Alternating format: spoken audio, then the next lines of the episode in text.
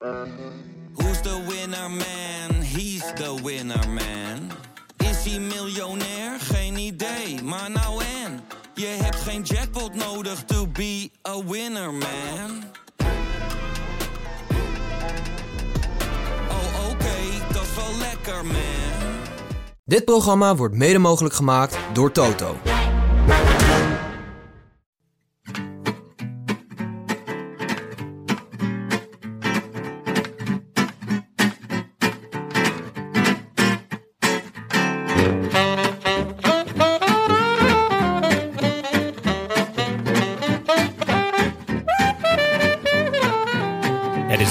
30 november 2023 en live vanuit Vitesse Cycling en Koffie te Antwerpen is dit de Rode Lantaarn.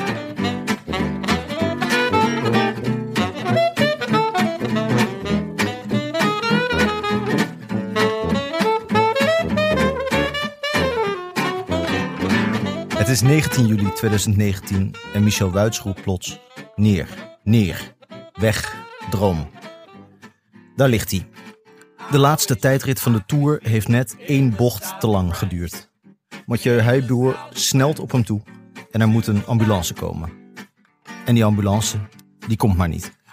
10 minuten verstrijken, 20, 30 en Wout van Aert wordt omstuwd door mensen die het beste met hem voor hebben, maar niets durven aan te raken, uit angst dat er iets knapt. En hij ligt daar maar, op het smeltende asfalt. Een kip op de grill. Iemand drapeert een handdoek over hem heen. Misschien is hij dan sneller gaar. De operatie die volgt geschiet op die typische Zuid-Franse wijze. Iets met een oude wijnboer en een nietmachine. Dat het been er na afloop nog aan zit, is te danken aan geluk en niet aan medisch uitblinken. De vraag was of het nog goed zou komen. De vraag was of het nog zo goed zou worden als het ooit was. De vraag was of het nog beter zou kunnen. Aan vragen geen gebrek, antwoorden. Daar was behoefte aan. En het is goed gekomen. Het is beter geworden dan het ooit was.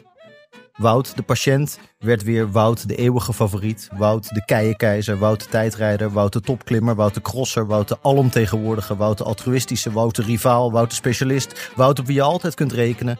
Wout domestiek, Wout de massasprinter, Wout de pechmagneet, Wout de gullegever, Wout de klassiekerkoning, Wout de solist, Wout de perfecte teammaat, Wout de kopman, Wout de ondernemer, Wout de overnemer, Wout de eeuwige tweede die vaker eerste wordt dan wie dan ook, Wout de danser, Wout de klassementsman, Wout de hoop, Wout de vader, Wout de zoon, Wout die soms wel de heilige geest, afijn, amen. Zelf ben ik ervan overtuigd dat er meer dan één van aard is, zoals je lang geleden ook meer dan één Patterson had. Met dat verschil dat al die Pattersons een eigen voornaam hadden en bij elkaar acht benen. En bij de Van Aarts ligt het anders. Ze maken allemaal gebruik van hetzelfde lijf. Niemand weet precies hoeveel het er zijn en ze heten allemaal Wout. En al die Wout samen maken Wout van Aert. Een man die iets doet dat verder gaat dan wedstrijden winnen of net niet winnen. Hij bouwt aan een oeuvre, een body of work van spectaculaire wedstrijden, valpartijen, zegens, achtervolgingen, aanvallen, sprints op alle terreinen en op elk moment van het jaar. Hij bouwt een tijdperk, een eindeloos vervolgverhaal. Ooit zal zijn loopbaan een gevaarlijk hellende stapel herinneringen zijn. Zo'n stapel waar elke wielerliefhebber ter wereld er iets tussenuit kan pakken en kan denken: verdraaid, dat is ook nog gebeurd. En al die woud samen, ooit met z'n allen in een Frans ziekenhuisbed en nu samengesmolten tot wat ze altijd al moesten zijn: de meest complete wielrenner ter wereld. Zo, Yes. Frank, Even aangezet. maar vooral Wout. Hallo, goedemiddag. Vanuit, welkom. Een zeer goede middag, welkom. Dan moeten we gelijk knippen, want je hebt mij door. Dat er eh, verschillende hè? Wouten zijn. Ja, ja. ja we gaan jou helemaal afpellen. We gaan Her- herkende je ze allemaal? Herken je elke Wout? Wat gebeurt hier?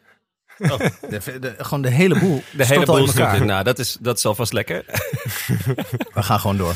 Ja, Eh, nee, dit, eh, dit was. eh, we, we hebben een installatie gemaakt. We zitten namelijk in eh, Café Vitesse in Antwerpen.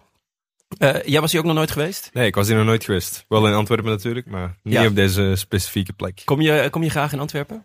Eigenlijk wel. Eh, mijn zus woont in Antwerpen. En eh, het is eh, onze provincie, hoofdstad. Dus eh, als we een keer eh, op stap gaan, iets uit eten of zo, dan, dan komen we naar hier. Hoe ver is het rijden vanaf, vanaf hier naar je huis? Midden van de nacht, een half uurtje. En, over, en overdag, ja, minstens een uur. Ja, Ja. Dat, scheelt, dat scheelt echt zoveel. Antwerpen is voor mij even snel met de fiets als met de auto. Dat is ongeveer 35 kilometer. En eh, Ja? ja? met parkeren en alles bij, dan, eh, Ja. dan ben ik er ook met de fiets. Ja, maar voor normale mensen kun je toch beter met de auto. Ja. Nee, we hebben de trein gepakt. Dat was ook geen eh, onverdeeld succes. Nee, nee, we hebben ook afgezien. Heel veel vertraging. Het was echt dramatisch. Maar nu zitten we hier. Eh, nou ja, ik, eh, wij hebben al vrij lang appcontact. Eh ik ben heel content dat het eindelijk gelukt is. Erg leuk. Voor de luisteraar, jullie horen wellicht wat geroezemoes. En af en toe hoor je een, een schitterende cappuccino, moet wel gezegd worden, die gemaakt Ja. wordt. Maar goed, dat, dat ze dat weten, dat is wat het is. Ehm, wij hebben het in ieder geval erg gezellig hier. Ja, we zitten in een soort, ja, in zo'n een klassiek fietscafé, zo'n koffiezaak met, Ja. eh, met eh, eh, wielerfoto's aan de muur en allemaal wielerparaphernalia die je ook kan aanschaffen. Kom je wel eens in dat soort cafés? Er zijn er steeds meer koffiezaken. Ik kom wel eens in koffiezaken, maar Ja. om eerlijk te zijn, als, Geen het, wieler gerelateerde. als het wielerkoffiezaken zijn, heb ik een lichte angst om niet op mijn gemak te zijn. ja, Dus ja, ja. Verbazingwekkend eh, zitten we hier nog best rustig. Ja, Ja. ja. nee, ja de, de hooligans komen zo meteen. Ja, dat, dat, daar gaan we het zeker over hebben. Van jou, jouw status als superster en hoe dat, eh, ja, hoe dat werkt en hoe, hoe het niet werkt misschien ook wel. Eh, maar eigenlijk wil ik gewoon eerst weten hoe het met je is. Het is off-season. Ja, het, eh, het voelt niet meer als off-season. hè. We zijn eh, al het voorbereiden op het volgende jaar natuurlijk. Maar Ja. Het is wel een rustige periode zonder al te veel stress. En eh, dat is ook mooi. Op hoeveel eh, procent train je nu? Want jij- heb je getraind vandaag? Ja, ik had vandaag eh, een rustige dag, dus ik heb gewoon een uurtje gaan losfietsen. Om, om weer klaar te zijn om morgen aan het volgende trainingsblok te beginnen. Dus vandaag was niet te gek, maar ja, laten we zeggen dat ik nu tussen de 15 en 20 uur train per week. En eh, En normaal de gesproken? zwaarste trainingsweken zijn ja, 30 of net boven de 30. Dus eh daar zitten we nog wel een eindje vanaf. Is het een leuke periode, dit? Zo zonder wedstrijden? Ja, ik vind dat wel. Ja? Eh, zeker de laatste jaren heb ik het gevoel steeds meer weg zijn. Steeds eh, beter en meer voorbereiden vooral. Dus heel veel stages door, doorheen het jaar. En dan, ja, dan schiet eigenlijk die maand oktober, november een beetje als enige over waar, dat er, waar je in thuis bent en tijd hebt om, om dingen te doen. Ja. Want eh, ja, thuis zijn tussen de Ronde van Vlaanderen en Parijs-Roubaix is natuurlijk niet hetzelfde. Dus eh, Ja. dan slaapt het thuis, maar voor de rest eh ben Ja. je gedacht. Dan ga je geen slaapkamer witten of zo. Nee.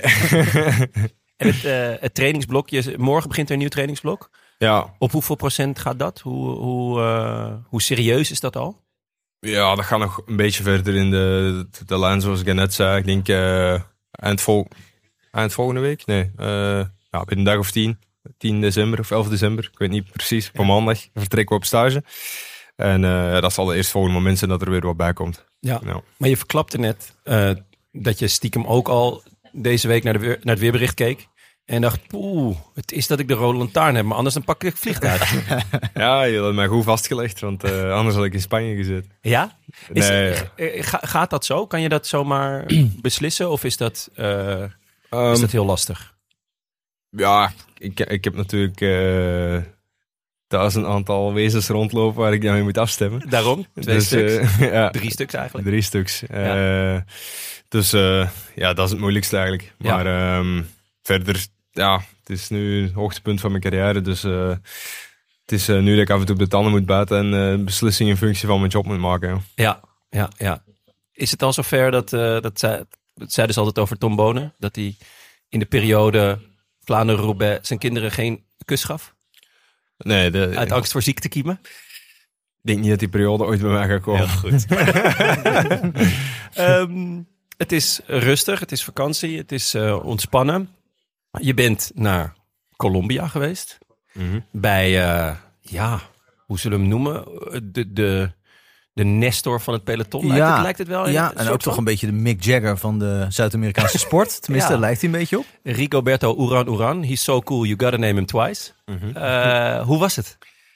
Dat was wel eh, een unieke ervaring, moet ik zeggen. Eh, ja, voor ons is Oeran een goede wielrenner, eh, denk ik. eh, in de- van Europees eh, opzicht, zal ik zeggen. Ja, maar dan, zeker. eh, ja, dan komt het daar en is gewoon, blijkt echt een superster te zijn. Die eh, ver boven alle andere Colombiaanse wielrenners eh, uitsteekt. En eh, die schijnbaar nog ja, profielrennen doet als een soort hobby. Want ja, het event is echt zo groot. En eh, hij doet er nog zoveel dingen langs. Daar ben ik echt wel van geschrokken. Waarom? Ja. Wa- Want bedoel, hij was natuurlijk een van de eerste van deze generatie die zo, die, zo, ja, die, die de top haalden. Mhm. hij, is- hij is waarschijnlijk wat excentrieker eh, dan de, de meeste eh, andere Colombianen.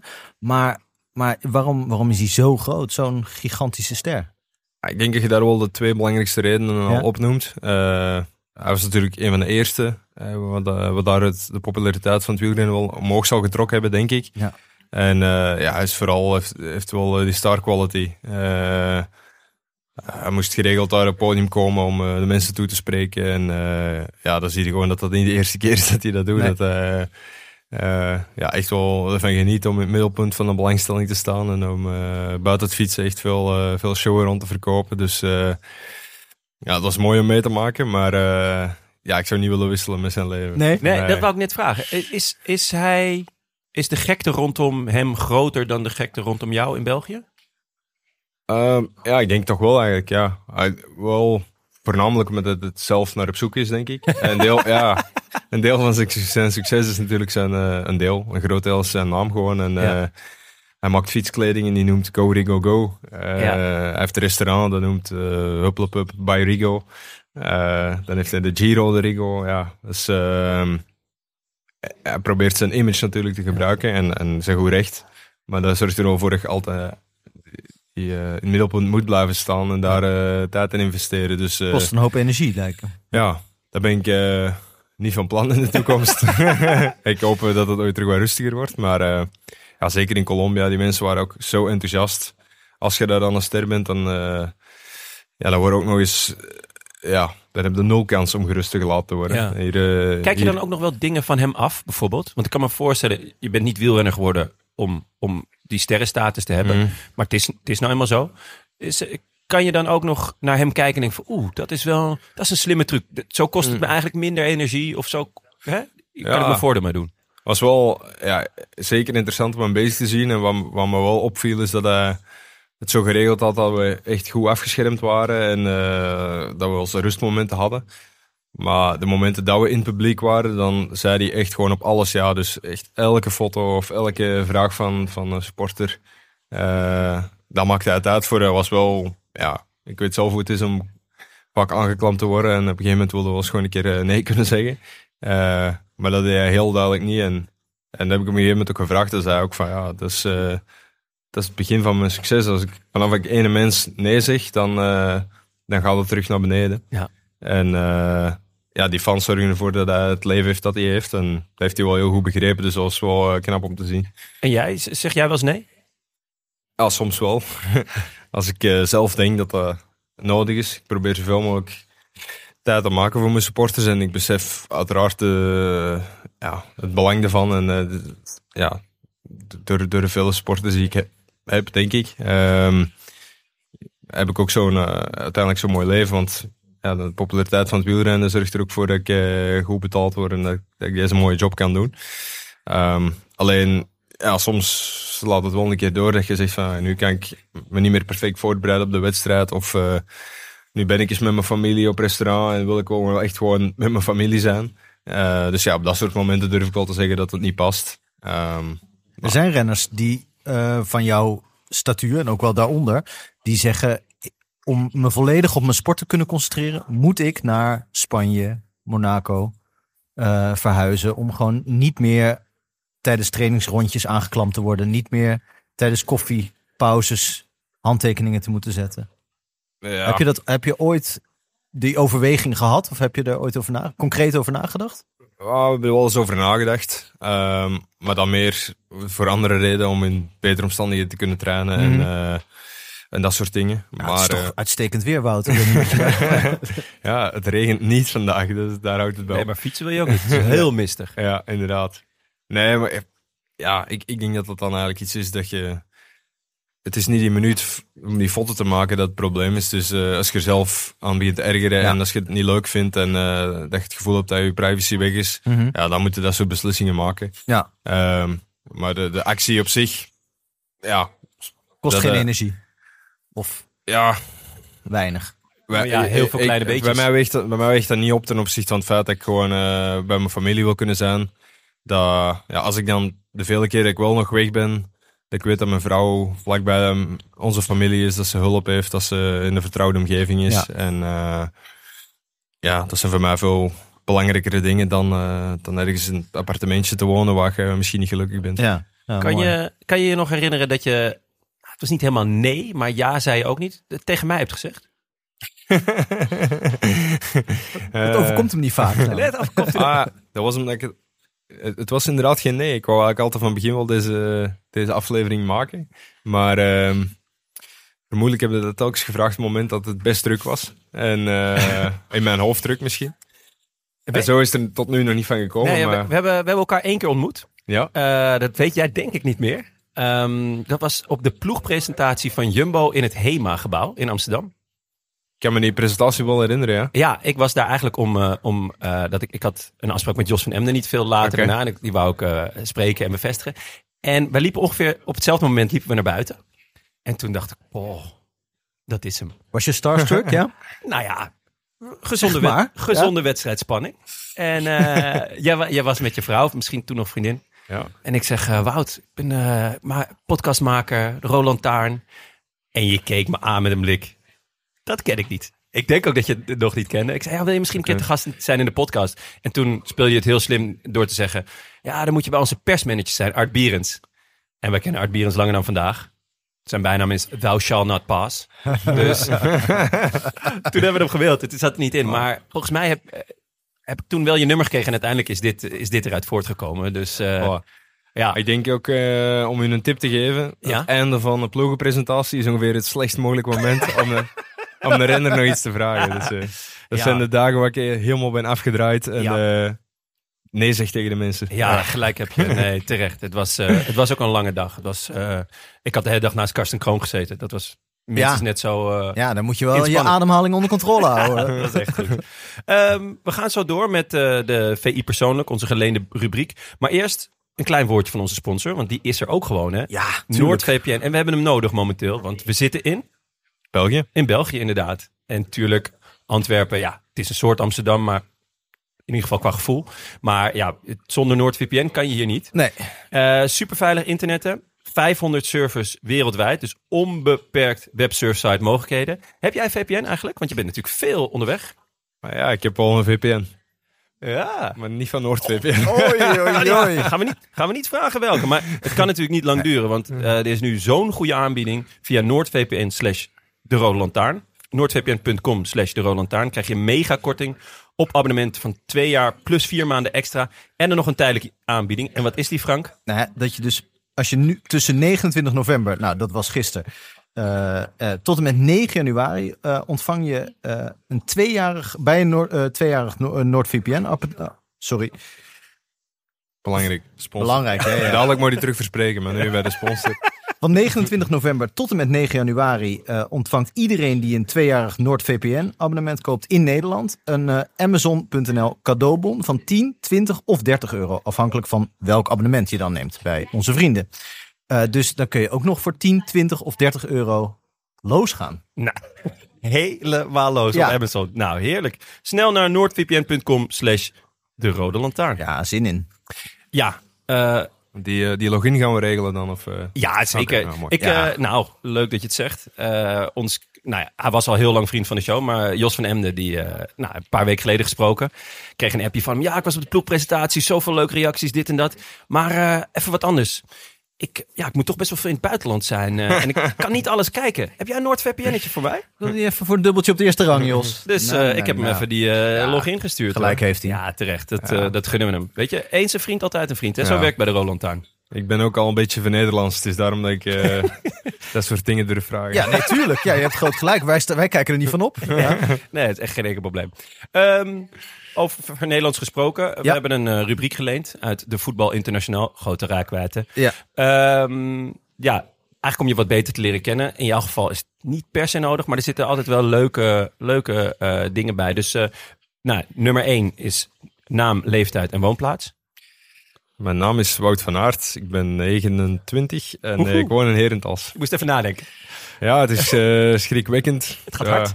Ik wou zeggen hoe oud. Oud is natuurlijk niet, maar ik denk altijd aan wielertermen. En eh, ja, toch maar net dat ik dacht ik bij de jongste gast van het peloton was. Maar ondertussen ben ik toch bij de, Een ancien aan het worden. ja, bij de anciens bijna. Ja, ja. Nou, ehm, Ja, nu mag jij een, eh, een nummertje kiezen. En wij, eh, ja, Ah ja.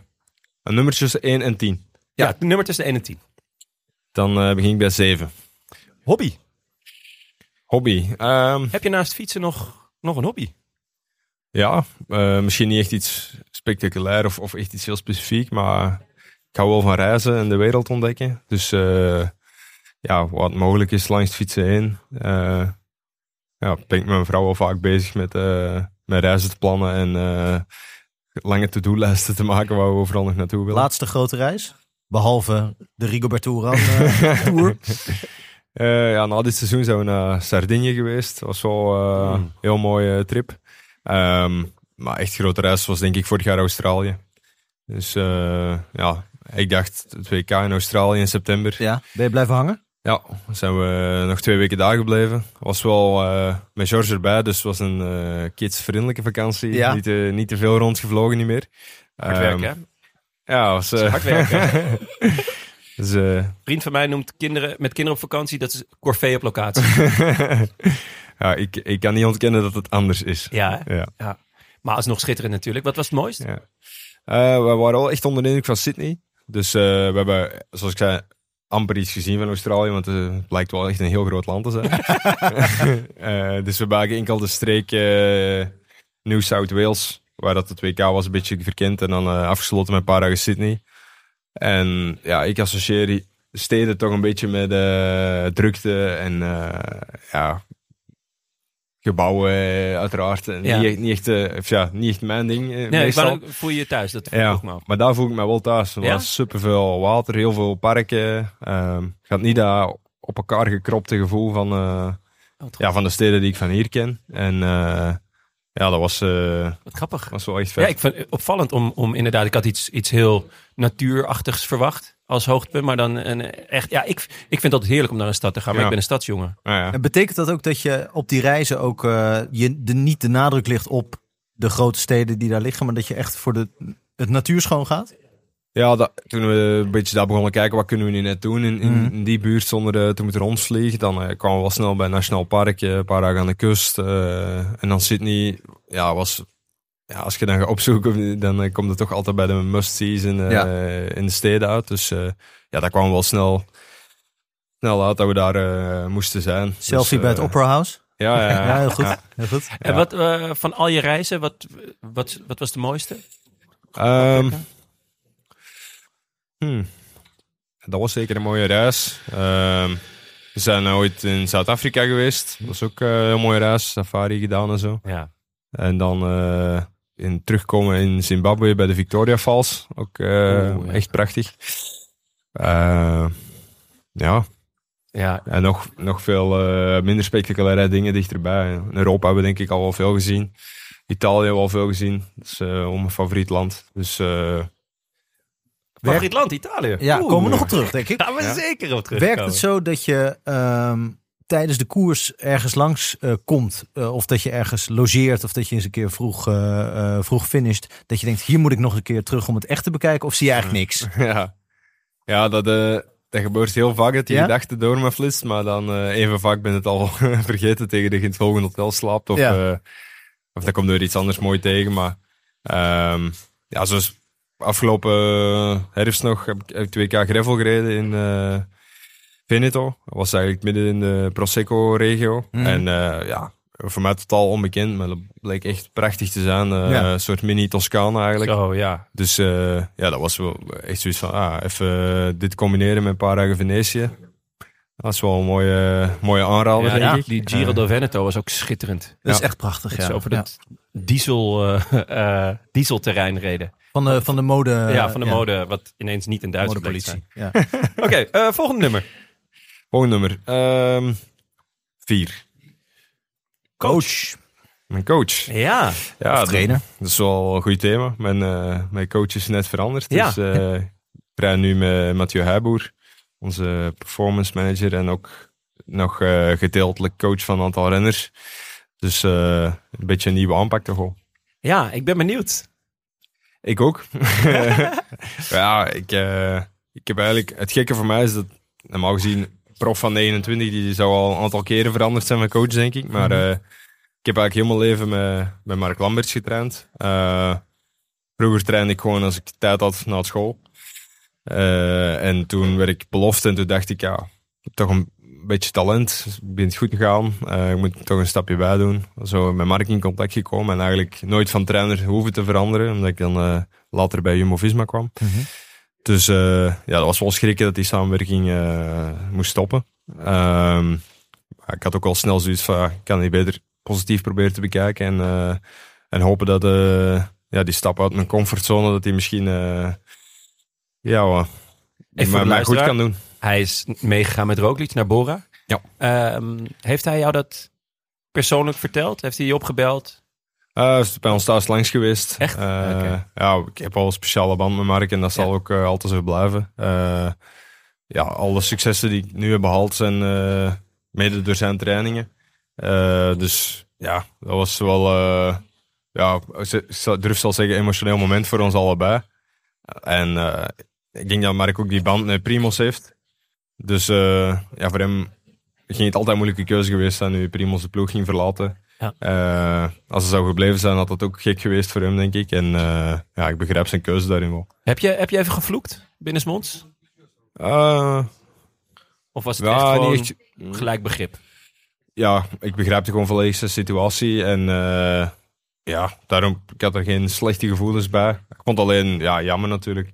Maar, uh, en merk je al verschil met, uh, met de nieuwe benadering van Mathieu? Uh, ja, er zijn wel een paar andere accenten die we leggen. ik denk dat ik ook iets rustiger aan het opbouwen ben dan gewoonlijk. ik heb toch echt bewust voor gekozen om, om het crossseizoen iets ja, rustiger in de, in de mate dat mogelijk is aan te pakken. Dus daar toch iets minder nadruk op te leggen om, ja. om zo progressiever te kunnen opbouwen naar, naar het wegseizoen. En is dat zijn suggestie of de jouwe? Uh, dat komt wel. Dat wou ik eigenlijk zelf ook altijd zo wel doen. Um, of altijd. Uh, van, wou ik deze winter echt wel aanpassen. Um, en ja, doordat ik nu met Mathieu terechtkom, is dat ook. Uh, zijn we daarover gaan praten, was ook ja. wel iets dat hij voorstander van was. Dus ja, over het algemeen hadden de trainingen nu nog wel echt te vergelijken. het is echt die winteropbouw die, die in onze filosofie in de ploeg overal een beetje hetzelfde is bij elke trainer. Ja. Maar uh, dat is sowieso anders. Ja. Het is anders communiceren. Uh, het is met iemand anders dat je samenwerkt. En uh, ik kende Mathieu al wel van, van in de ploeg natuurlijk. En Ja. van tijdrijden en zo. Maar als je zo één op één samenwerkt, is het toch nog een groot verschil. Is dat ook het verschil Nederlander-Belg? Of is dat, is dat Ja. flauw om dat, te, om dat Nee, te suggereren? er is wel een verschil in communicatie natuurlijk. Mhm. Eh, maar ondertussen ja, rijd ik al vijf jaar in de ploeg, denk ik. Dus Ja. eh, weet ik wel hoe, hoe ik met Nederlanders moet omgaan. Ja, ja, ja, ja, ja. Ben je, ben je zelf ook, eh, nou, om het zo te zeggen, Nederlandser geworden? Ja, dat denk ik wel. Eh, ik denk dat het wel bij mij past om, om eh, direct te mogen en te kunnen zijn. Dat is toch eh, voor mij het grootste verschil tussen, eh, tussen Belg Ja. en Nederlander. Ja, eh, we houden er nogal van om rond de pot te draaien. En eh, ja, voor mij hoeft dat niet altijd. Dus eh, voor mij is dat wel prettig samenwerken. En eh, ik heb ook in de ploeg altijd het gevoel gehad als ik met dingen zat of, of suggesties had, dat er altijd echt serieus naar geluisterd werd. En eh, het verleden heb ik al eens het gevoel gehad dat het eh, eerder was van, ah, dat heb die moeilijke weer, eh, het moet altijd anders. Ehm, dus eh, ja, dat is fijn samenwerken voor mij. Is dat gevoel helemaal weg? Is, heb je nooit het idee van, oeh, nu vraag ik wel heel veel? Of, eh, Ja, natuurlijk. eh, Ja. ja. ik ben heel veel eisend voor mezelf, maar ook Ja. voor de mensen rondom mij, denk ik. Dus eh, ja, soms eh, is het een keer ambetant en dan voel je wel bezwaard, maar ja, eh, ik kan het ook niet helpen. nee, nee, nee. eh, Houden zo, zou ik zeggen. Ja. Ja, is goed. Ehm, Nummertje? ja, eh, mag ik er zelf eentje uitkiezen? ja, dan kunnen we de richting bepalen. Goed. Ja, nou ja, ik ben gewoon eh nieuwsgierig. Eh, nummer vijf. Eh, het is jeugdidool. Vijf vind ik niet mooi.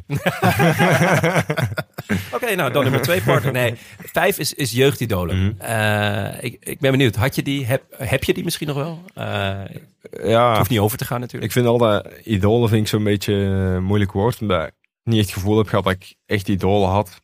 Eh, ik was wel fan van bepaalde renners.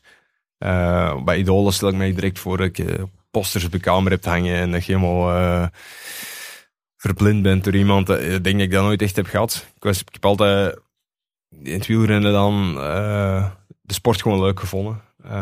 Maar ik was wel in de jeugd fan van Bart Wellers, Erwin Vervekke. Ja. Die twee, ja, voor alle duidelijkheid, ik wou vooral profveldrijder worden. Ja, ja, ja. Dus eh, Is gelukt ook. ja. daar kan je verder ook niks aan doen. ja. Maar ik had in ieder geval als, als kind helemaal geen, eh, geen... Ik had helemaal niks met wegwielrennen of niks. Ik keek een beetje naar de klassiekers, Ja. maar dat sprak me niet zo aan eigenlijk. Ehm, dus ja, zij waren wel... Ja, ze woonden letterlijk een dorp naast ons. En eh, er zijn ook heel veel crossen in de Kempen. Dus eh, ja, dat, dat stak mijn ogen wel uit om die mannen bezig te zien. En toen ik eh, een jaar of tien was, wa- waren hun topjaren waarin dat ze wereldkampioen werden en eh, de beste waren. Dus eh, ja, dat, daar was ik zeker fan van. En eh, daar keek ik heel erg naar op. Maar ja, ik, het woord idool paste... Ja, dat is voor mij nog iets anders, denk En, ik. en buiten de koers? Ja, Of de buiten de cross eigenlijk? hadden de cross, ja. Nou, het hoeft niet. Nee, Kan je niet je- klaar voor die vraag. Mijn- Kan je, mijn kan je je voorstellen dat, dat, dat jij een jeugdidool bent voor, voor, voor velen? Eh, je kan er wel steeds meer iets bij voorstellen, ja. Als je ja, pas prof bent en, en alles gaat beter en zo, dan heb je misschien niet echt oog voor wat, je voor, ja, wat er bij mensen gebeurt als je letterlijk in de buurt komt. Maar nu dat ik wat ouder ben en misschien ook zelf wel kinderen heb, dan, eh, ja, dan, dan is het soms wel gek om, om kindjes, eh, ja, vooral kinderen, bezig te zien en, en te zien wat je, wat je teweeg brengt voor gewoon een handtekening te geven of, of hallo te zeggen. En, eh, ja, dat is wel, eh, dat is wel maf om dat eh, ja, een beetje te beseffen, toch? En Ja. komt dat ook eh, tot uiting in bijvoorbeeld post die je krijgt, eh, berichten die je krijgt, mensen die iets van je willen, mensen die misschien wel gekke dingen vragen of hele, hele grote dingen aan je vragen? Slipjes opsturen. Ja, ja, of misschien hele verdrietige verhalen en zeggen Ja. van, goh, Ja. zou, je, zou je kunnen helpen of zou je iets voor iemand kunnen doen? Komt dat voor? Ja, dat komt zeker voor. Eh, Want dat Ja, lijkt me lastig en- om daarmee om te gaan.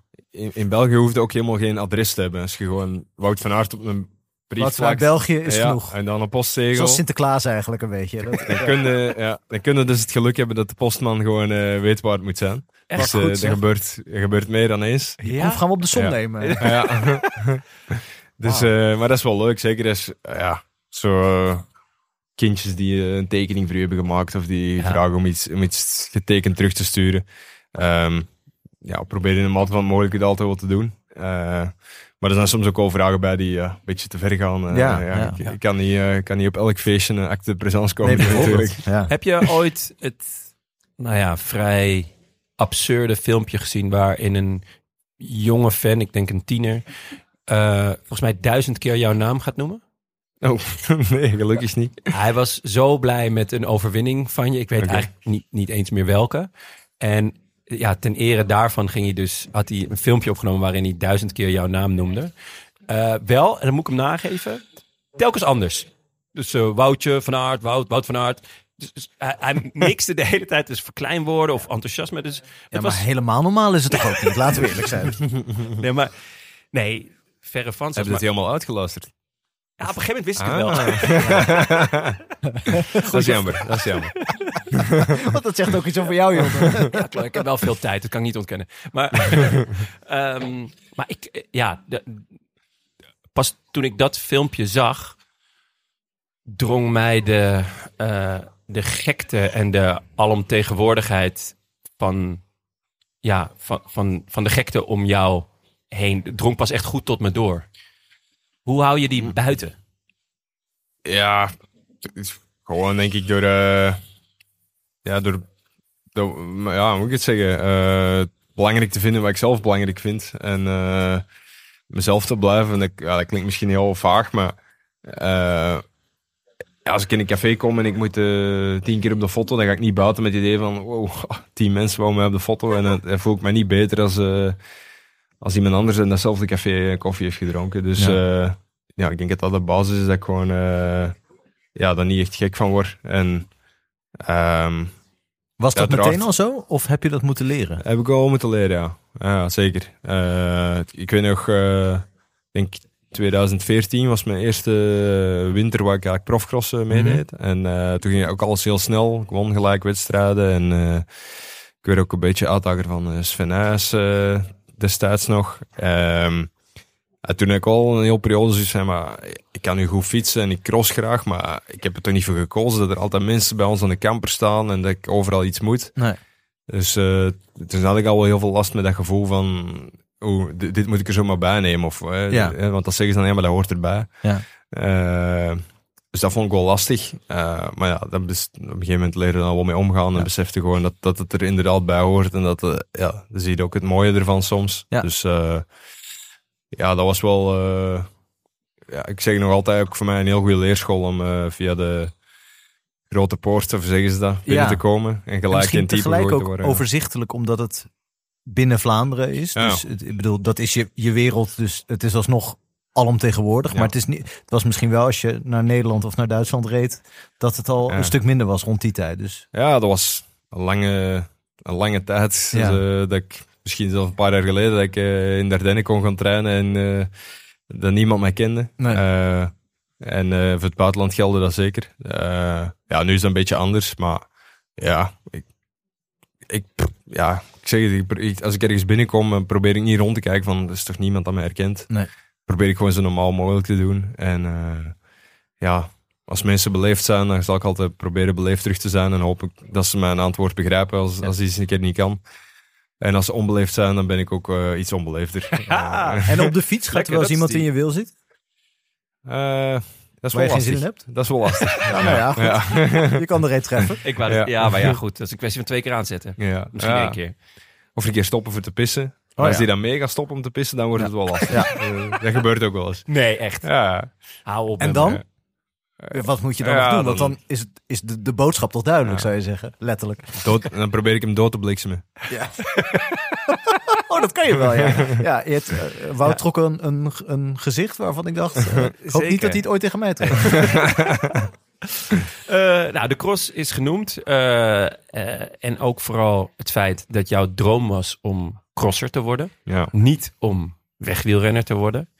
Toch ben je op een gegeven moment wegwielrenner geworden. Wat, waar- waarom toch? Hoe, hoe kwam het dat het begon te kriebelen? Eh, ja, dat, dat crossen lukte goed. En ik werd dan ook al best snel prof. Eh, ja, zoals, zoals je weet of niet weet, eh, doen die crossers ook allemaal eh, een, een wegprogramma om zich voor te bereiden. En, ik merkte wel snel dat ik er ook voldoening uit haalde om ook daar goed te zijn. Dus, dus ik, had, ik had niet zoiets van ah, een beetje meerijden en vanaf september mogen we weer echt. Ik wou ook die wedstrijden die ik in mei of juni deed, wou ik gewoon zo goed mogelijk doen. Dus dan voel ik al wel een verschil met collega's van mij. Ehm, dus ja, dat begon beter te gaan. En dan had ik steeds meer het gevoel dat ik op de weg ook wel iets kon betekenen. Ehm, en ja, ook omdat in, de, in het veldrijden zelf allemaal zo snel goed ging en dat ik zo snel ja, min of meer alles bereikt had in de sport, begon ik wel dat gevoel te krijgen ja, wil ik nu alles vijf keer winnen of wil ik, eh, Ben je iemand, ik die iets zich, anders? ben je iemand die zich snel verveelt? Nee, vervelend is dat niet, maar ik ben wel, ik word wel heel erg getriggerd door eh, iets dat onmogelijk geacht wordt, om dat toch te behalen. Ja. En eh, ik moet zeggen, toen ik eh, de eerste keer voorjaar op de weg ging rijden, eh, dan was dat wel een grote motivatie, omdat ik heel veel tegenwind kreeg in eh, dit conservatieve wielerland. Eh, met heel veel kenners, die allemaal zeiden dat het niet kon. En eh, dan had ik daar al, ja, ik wil eerlijk toegeven, wel voldoening had dat ik dat toch een beetje kon laten zien dat het wel Ja. kon. Ik, ik weet nog dat, dat, je, dat je kwam. Eh, en het gonste. Het gonste van ja, er, komt nu iemand aan van. En, want inderdaad, er dus waren veel mensen die zeiden van, ah, dat, dat kan niet. Hè, het is al vaker geprobeerd en echt die, die echte overstap lukt niet. Maar met jouw komst was het echt zo van, oké, maar er, gaat er nu eentje aankomen. Wat, wat was jouw status in dat eerste voorjaar? Hoe, hoe, kwam je, hoe kwam je binnen in het peloton? Ja, ik had wel, ja, in ieder geval van Belgische zijde, wel het gevoel dat eh, er al bepaalde dingen verwacht werden en dat eh, de meesten me uiteraard kenden, want het blijft ook een populaire sport, het veldrijden. Dus eh, ehm, ja, ik kwam niet als een, een nobody erin, maar ik denk, ja, en terecht, dat iedereen wel zoiets had van, ja, oké, we moeten er wel nog maar zien. Ehm we kunnen gelijk eh, in de Omloop Nieuwsblad rekent aan geen top 10, maar zat ik wel in de kopgroep volgens mij, 2018. En dan een week later in de Strade Bianchi werd ik eh, gelijk podium. Dus eh, ja, dat van wait and see was wel snel voorbij, denk ik. eh, eh, ja, was, dat ging was, allemaal was dat bij jezelf ook nog wait and see? Want er zijn natuurlijk ook veldrijders geweest die crossers echt de absolute top Sven Nijs noemde die al, Mhm. Bart Wellens. Die op de weg, Sven heeft het ook wel geprobeerd in Ja. Parijs-Roubaix. nooit helemaal gelukt. Wa- Was je bang voor die? Mm, ja, zeker als ik eraan begon wel, ja. Ja. Want ik, geloof, ik geloof erin dat ik het zo wou proberen. Ik wou nog niet het veldrijd helemaal opgeven. Dus ik wou wel min of meer volwaardige winter draaien. En dan het voorjaar als een experiment eraan vastplakken. Ehm, dus ik wist wel dat ik mezelf daarin ja, een beetje beperkte. Ehm, dus ja, ik weet wel dat ik net voor ik aan die omloop in de strade eh, begon, dat ik wel dacht van wat heb ik mezelf aangedaan, waar heb ik heb mezelf nu zo'n druk op gehaald. En, Ja, eh, want er zit een zeker afbreukrisico aan natuurlijk als je de Ja, top zeker. bent in het veldrijden. Ja. Ehm, dus ja, dat, dat gaf wel spanning, maar ik denk wel ja, dat dat snel wegging. En anderzijds heb ik wel ja, ook niet, niet te snel gedacht van, eh, ja, nu kan ik het. Want eh, na de straling kwamen die klassiekers zoals de Ronde en Parijs-Roubaix, die zijn allemaal nog meer dan een uur langer. Mhm. Dus dat was weer de volgende stap van, ja, kan ik daar wel mee? En dan, eh Ja, aardig. ja, ging, ging, ging goed genoeg. Ja. Ja, en dan een jaar later, als ik bij Jumbo kwam, ging ik de eerste keer naar de Tour. En dan was het alsnog, dat ik dacht van, ja, maar eh, drie weken koersen, eh, ik weet niet of ik dat allemaal ga kunnen. Ja. Ja, en zo kwam er eigenlijk altijd een stapje bij. En is er, want die tour, eh, dan heb je het over 2019. eh, dat ging ook vrij aardig met nare afloop. Maar Ja. voor die tijd ging het, ging het geweldig. Is, was je daarna overtuigd van, oké, ik, ik beheers alle facetten die nodig zijn om een, om een toprenner te zijn? Of, of ben je daarna, was er weer twijfel? is er sindsdien Ja. ook nog twijfel geweest? Ja, maar door de afloop van toen kwam natuurlijk wel wat Kwam twijfel weer terug? Eh, ja, ja. Maar als we dat even... eh, ja, als ik toen zou weten dat het allemaal goed ging komen, was Ja. dat wel voor mij de bevestiging van... Ja, de, die rit dat ik won toen in mijn eerste tour was eh rit 10. Ja. Toen weet ik nog heel goed dat... eh, ik weet niet waarom precies, maar dat was een maandag was nog een rit. Dus tien ritten achter elkaar. En dan dinsdag was pas rustdag. Mhm. Dus best lang voor een grote ronde. En eh, ja, dat was eigenlijk... Ja, dat werd een soort van waaier getrokken, maar eigenlijk... eh ja, zat heel peloton zo. Mhm. We waren allemaal echt vermoeid van, die, van al die ritten samen. En toen zat ik samen met Steven in het eerste groepje van 20, 30 man. Kruiswijk? Ja, Ja. ja. En ik weet nog ik aan Steven vroeg van, ja, Dylan is er niet meer bij, eh, Dylan Groenewegen. Ehm, ja, ik zou misschien zelf proberen sprinten. Ja, tuurlijk, eh, doen. Ik trek mijn plan wel. En eh, ja, in die laatste 10 kilometer ging ineens die focus naar, ik kan de koers winnen. Dan won ik uiteindelijk die rit. En eh, ja, ik denk dat dat wel een moment was ik dacht van, ja, als ik het hier nu na 10 dagen in de Tour kan, dan, eh, Ja. dan is die overstap wel eh afgerond. Ja, ja, ja. Die, de druk is, is, werd eh, net al genoemd. En ook, je zegt, ik vind het leuk om dingen te doen waarvan, mens, waar, waarvan ze zeggen dat het niet kan. Mhm. Maar ben jij zelf degene die de druk legt en zegt, eh, het kan niet? Of is het juist de buitenwacht die zegt van, hé, hey, eh, de dru- ik ik leg de lat heel hoog en sommige dingen kunnen misschien wel niet. En dus ga ik het toch doen. Eh, ik denk dat die, die druk uiteindelijk van buiten komt, want ik denk dat het, ja, het- net een van mijn sterktes is dat ik eigenlijk eh, misschien geen, of geen limieten, eh, weinig limieten Ja. wil zien. Ehm, ik, eh, ik probeer bijna elke koersdag van het jaar aan de start te staan met het idee van, ja, ik kan hier winnen. Ik wil, ik wil niet geen koersen starten met het idee van, ja, dit, dit kan ik niet.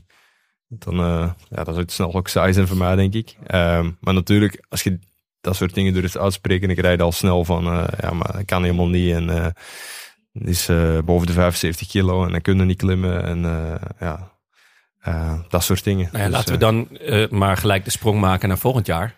Ja, we, gaan nog, we gaan nog terugschakelen ook naar andere elementen. Maar ehm, je gaat naar de Giro. Ja, ja, Ja, ja toch? Ik, denk, ik denk dat ik dat eh, niet officieel mag bevestigen, maar Maar bij deze Oké, ik, ik ga, ik zal het anders zeggen. Je- op Pro Cycling Stats staat een, een, een schema waar jij naar de Giro gaat. Of stel je gaat Ah, naar de Giro. Stel je gaat Ja. naar de Giro. En ehm, met, met welk idee ga je daar naartoe?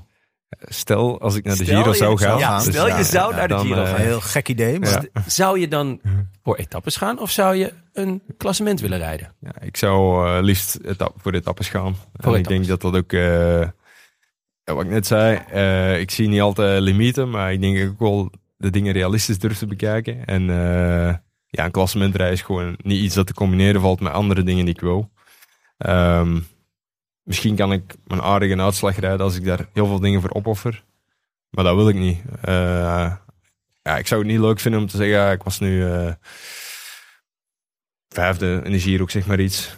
Eh, maar de rest van het jaar heb ik me verveeld, want ik heb honderd keer op hoogtestage geweest. Eh, ik ben nog twee kilo extra moeten afvallen. Eh, Is dat het Ja. verschil? De hoogtestages, het, het gewicht, het, het, Ja. nou ja, het, het monomane. Gewicht zal zeker nog belangrijker zijn, maar vooral de manier waarop je traint. eh het explosieve dat je nodig hebt voor, eh, voor een klassieker is toch helemaal iets anders dan, eh, dan drie weken aan een stuk geen slecht moment te kennen, waar je veel meer ja, op je drempel moet gaan werken. En ehm, ja, ik zeg het, nu doe ik heel veel verschillende dingen, wat ik heel veel voldoening uit haal en echt vet vind dat ik dat allemaal in één jaar kan en mag combineren. Maar ik denk, moest ik klassementsambities hebben, dan denk ik niet dat het voor te winnen is. Want dat is, op een gegeven moment is uw morfologie wel iets wat tegenwerkt. Ehm, en als het dan niet voor te winnen is, dan vind ik dat een jammerlijke opoffering. Dus, eh, maar de eerste rit in de Giro, die, eh, die ik nog net aan, denk ik. Dus eh, daar, eh, daar ga ik over. Het gaat snel omhoog. Ja, maar is het, is het zo, toch zo? Je had het net over de cross, dat je zei, nou op een gegeven moment had ik, heb ik, had ik daar veel in bereikt. Misschien wel alles in bereikt. Of ik, ik was een eind en dan kan je alles vijf keer winnen. Of je kan eens een keer iets nieuws proberen. Het zou kunnen met jouw eh, eh, talent en jouw eh, eh, nu al je erelijst, dat je over één of twee jaar denkt, ik heb in het wegwielrennen ook wel het meeste gewonnen wat ik wil. Behalve Hmm. Eh, een klassement in een grote ronde. Zou, zou dat je eh, mening hierover kunnen veranderen? Om te beginnen hoop ik dat ik dat over twee jaar al kan zeggen. Over twee jaar zitten we hier weer. Dan eh, wil het zeggen dat het goed gelopen is. Ja. Dus eh, dat is absoluut de bedoeling om eh, nog een aantal eh, dingen af te strepen. Maar Mhm. Ehm, ja, ik zeg het, ik, ik acht veel mogelijk. Ehm, maar ik denk dat ik ook altijd wel eh, realistisch ben gebleven. Eh, misschien niet, dat niet alle mensen daar zo over, over dachten, maar eh, ehm, voor mezelf was het altijd wel een haalbaar plan dat ik had. En voor mij draait het om winnen of samen te winnen. Ja, Ehm, en als, ja, als ik zou uitgespeeld worden als kopman in, in een klassement om een mooie ereplaats te halen, ik heb super veel respect voor de jongens die, daar, die daarvoor gaan en die Ja. dat goed kunnen.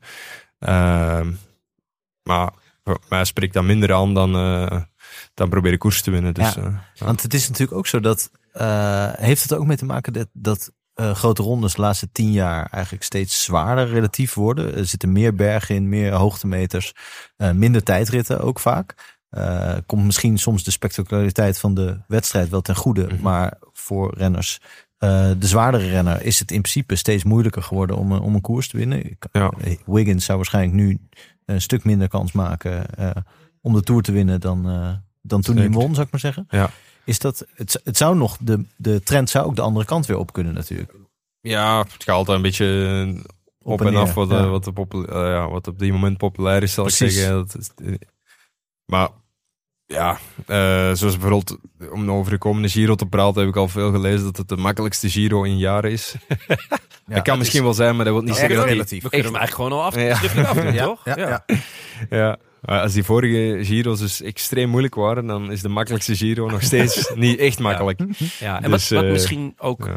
niet zo heel veel mensen eh, weten, ook omdat ze je eigenlijk voornamelijk op de fiets eh, zien. Eh, maar het viel mij onmiddellijk op toen, ja, toen ik je zag. Eh, je bent gewoon 1,90 meter. Ja, Ja, goed gezien. ja. ja. ja ik, ik heb Timmermansoog. Timmermansoog, hè? Ja, Frans Timmermansoog. Nee, eh, dus ja, dan, dan zit er natuurlijk ook gewoon een limiet aan, Ja. aan hoe weinig je kan wegen eigenlijk. Eh, ja, dat is, dat is wel grappig omdat we net over eh, fans en zo hadden. En Ja. Ja, de comment die ik het meeste krijg als mensen mij zien, is dat ze altijd schrikken hoe groot ik ben.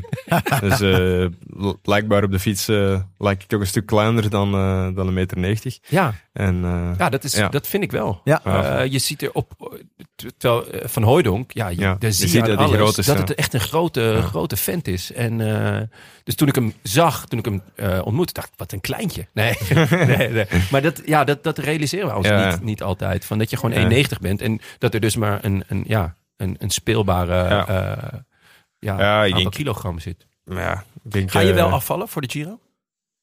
Eh, eigenlijk ja, begint eh, mijn jaar met de klassieke periode waar ik op Ja. mijn best wil zijn. En eh, dat is echt absoluut hoofddoel. Eh, dus het gewicht dat daarvoor nodig is, hoop ik eh, op het juiste moment te hebben. En dan, en dan komt de Giro er snel achteraan. Mag ik vragen wat dat gewicht is? Ja, ik denk het lichtste 77. Ja. Veel lichter ben ik ja, ik nooit. Dus eh, En dat Dus- is ideaal voor de klassiekers.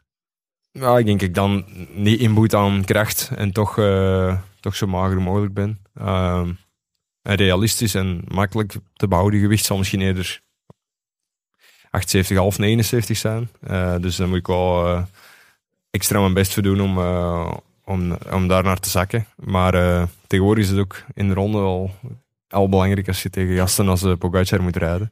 Ehm, dus ja, dat is een beetje streef, streefgewicht waar, waar ik me zeker nog goed voel. En eh, ik denk het nog verder eh, pushen is een risico.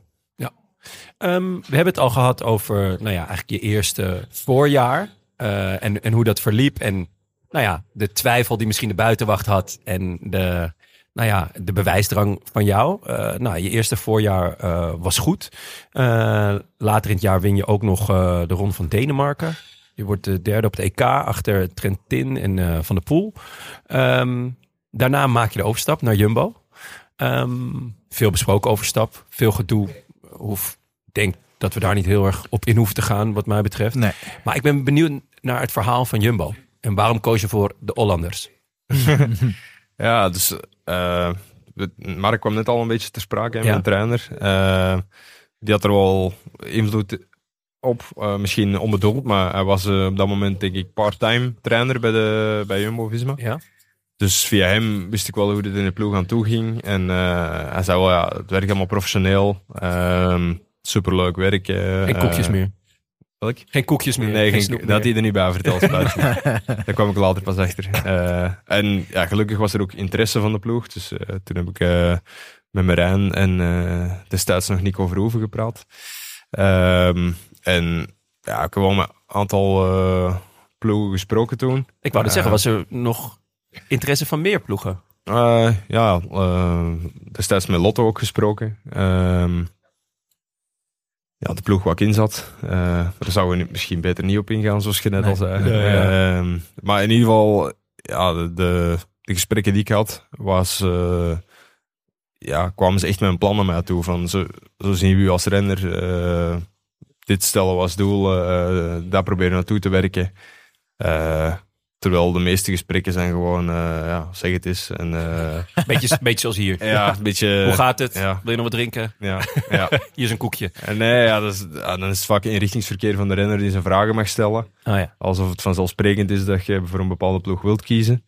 Ehm, en ja, gewoon het feit alleen al dat ze het echt hadden voorbereid, kwam bij mij al echt heel, heel goed binnen. En eh, ja, ehm, dan, door omstandigheden kwam ik er al een jaar sneller terecht dan, eh, dan gepland was. Ehm, Was het En- toen al de mate van professionaliteit die je nu ervaart? Of was het nog in opbouw? Nee, eigenlijk wel. Eh, Ik denk dat dat eh, de grote sterkte is van de ploeg. Dat ze op het moment dat het minder goed ging en dat ze minder succesvol waren, eerst een, een basis goed hebben gezet. Ja. Dus ja, dat hoor ik ook al via Mark, hoe, hoeveel ze met training bezig waren en de kleine details en alles. En dan kwam er, daardoor kwam er een beetje succes, kwamen er betere sponsors, konden ze betere renners aankopen. Ja.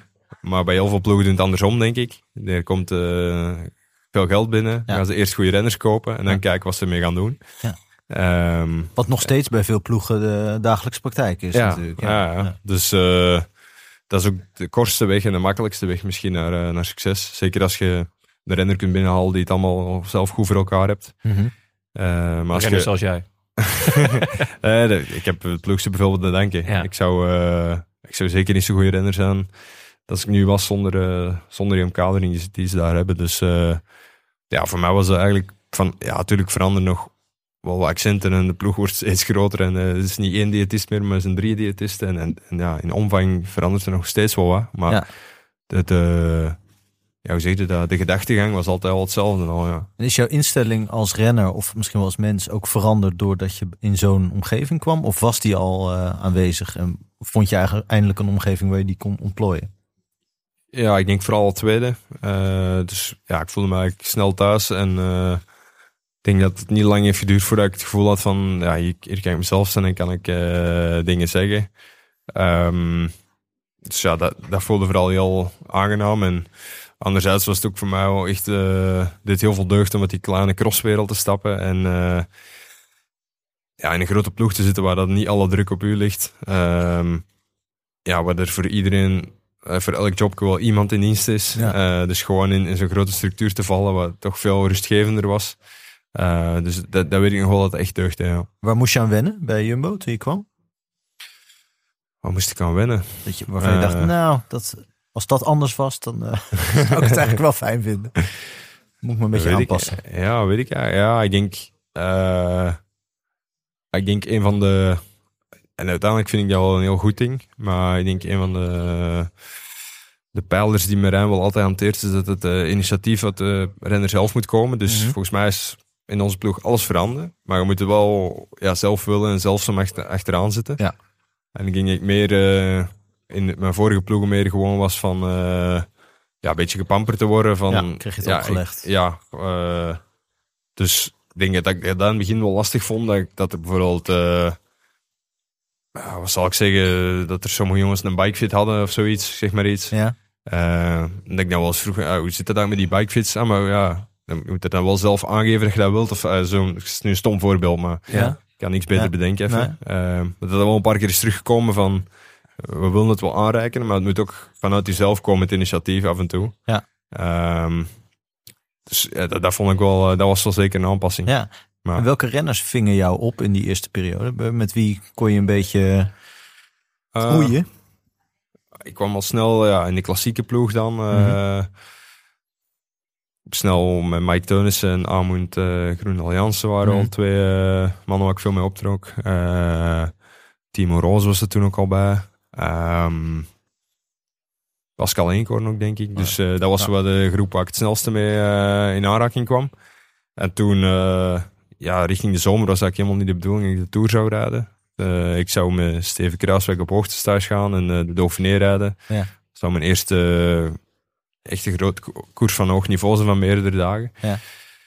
Dus eh, toen eh, kreeg ik kans om dat met Steven op te trekken. Dat ging ook allemaal heel goed. Ging iets te goed eigenlijk. ja. Blijkbaar wel. Twee Eh, etappes in de Dauphiné? eh, ja. Ja. ja. En al voor de Dauphiné toen eh het horen gekregen dat ik wel kans maakte op de tourselectie nog. Ehm, dus eh, ja, dat ik al veel met de ogen gestolen van, eh, van Steven toen. Ja, Met de ogen gestolen. Ja zeg. zeggen ze dat niet dat in het... eh, Nee. Nee, maar dat vind ik wel dat vind ik een heel mooie. Ja, is echt om... eh, om- Met ogen gestolen. Stelen, eh, stelen met de ogen. ja. ja. Ja. Ah, dat is wel een goeie. Zeg. Heb je een concreet Moet ik wat- uitleggen? Of? Nee, nee, Nee, nee. Het is, Onze luisteraars zijn niet achterlijk. nee, het zijn poëzielezers allemaal.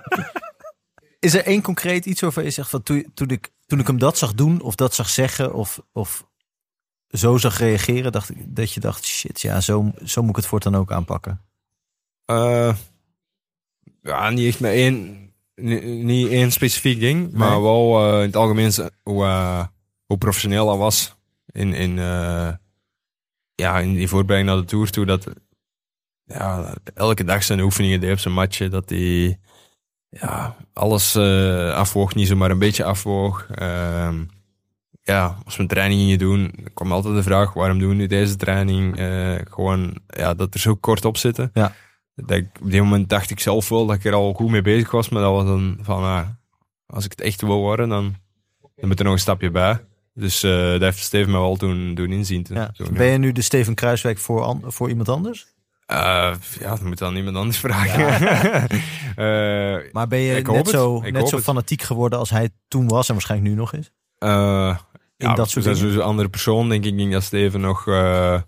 ja, als, als, je kunt het gelijk merken als we op stage komen richting de Tour en het is, eh, het is money time, dan, eh, dan staat Steven op eh, de toppen van zijn tenen. En, Ja. en ik bedoel, dat is supergoed en ik kom heel goed mee overeen. Maar Ja. dan, dan kunnen we alles merken dat het echt moet kloppen. Ja. Dus dan is hij inderdaad veel luisterend naar, naar de mensen rondom hem. En misschien dat ik dat ook wel heb, maar op een andere manier. Of toch iets minder. Of, al, of al iets sneller het wel oké vind.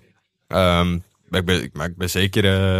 Hij, eh, ja, zijn structuur heb ik zeker proberen over te nemen. Ja, Mhm. hij en Marijn hebben ook speciale band, hè? ja, Als in, ja, zeker. ja, soort, het, ja de, de, de leerling en de coach. Maar Ja. hoe dat heel erg klopt tussen die twee. ja. Om van, waarschijnlijk vanwege ook zijn extreme toewijding aan, eh, aan, aan, aan, het plan. Ja, ik denk dat Steven ja, samen met de ploeg eigenlijk die opmars gemaakt heeft. Hè. Dus ja, in 19 uiteindelijk het podium van de Tour gehaald. Eh En dan gaan we wel heel veel jaren aan vooraf waar, dat er, eh, waar de straks samen in beter zijn geworden. En dat was misschien soms eh, trial and error. Maar uiteindelijk zijn we wel ja, echt de verpersoonlijking van, eh, ehm, van het werk van de ploeg. En ja, dat, dat zal ja, dat merk ik nu inderdaad nog steeds, dat ze een speciale band hebben. Dat, dat zowel Marijn veel bij Steven aftoetst, denk ik. En andersom zal dat ook zeker zijn. Dus, Nou, je ging naar de Tour.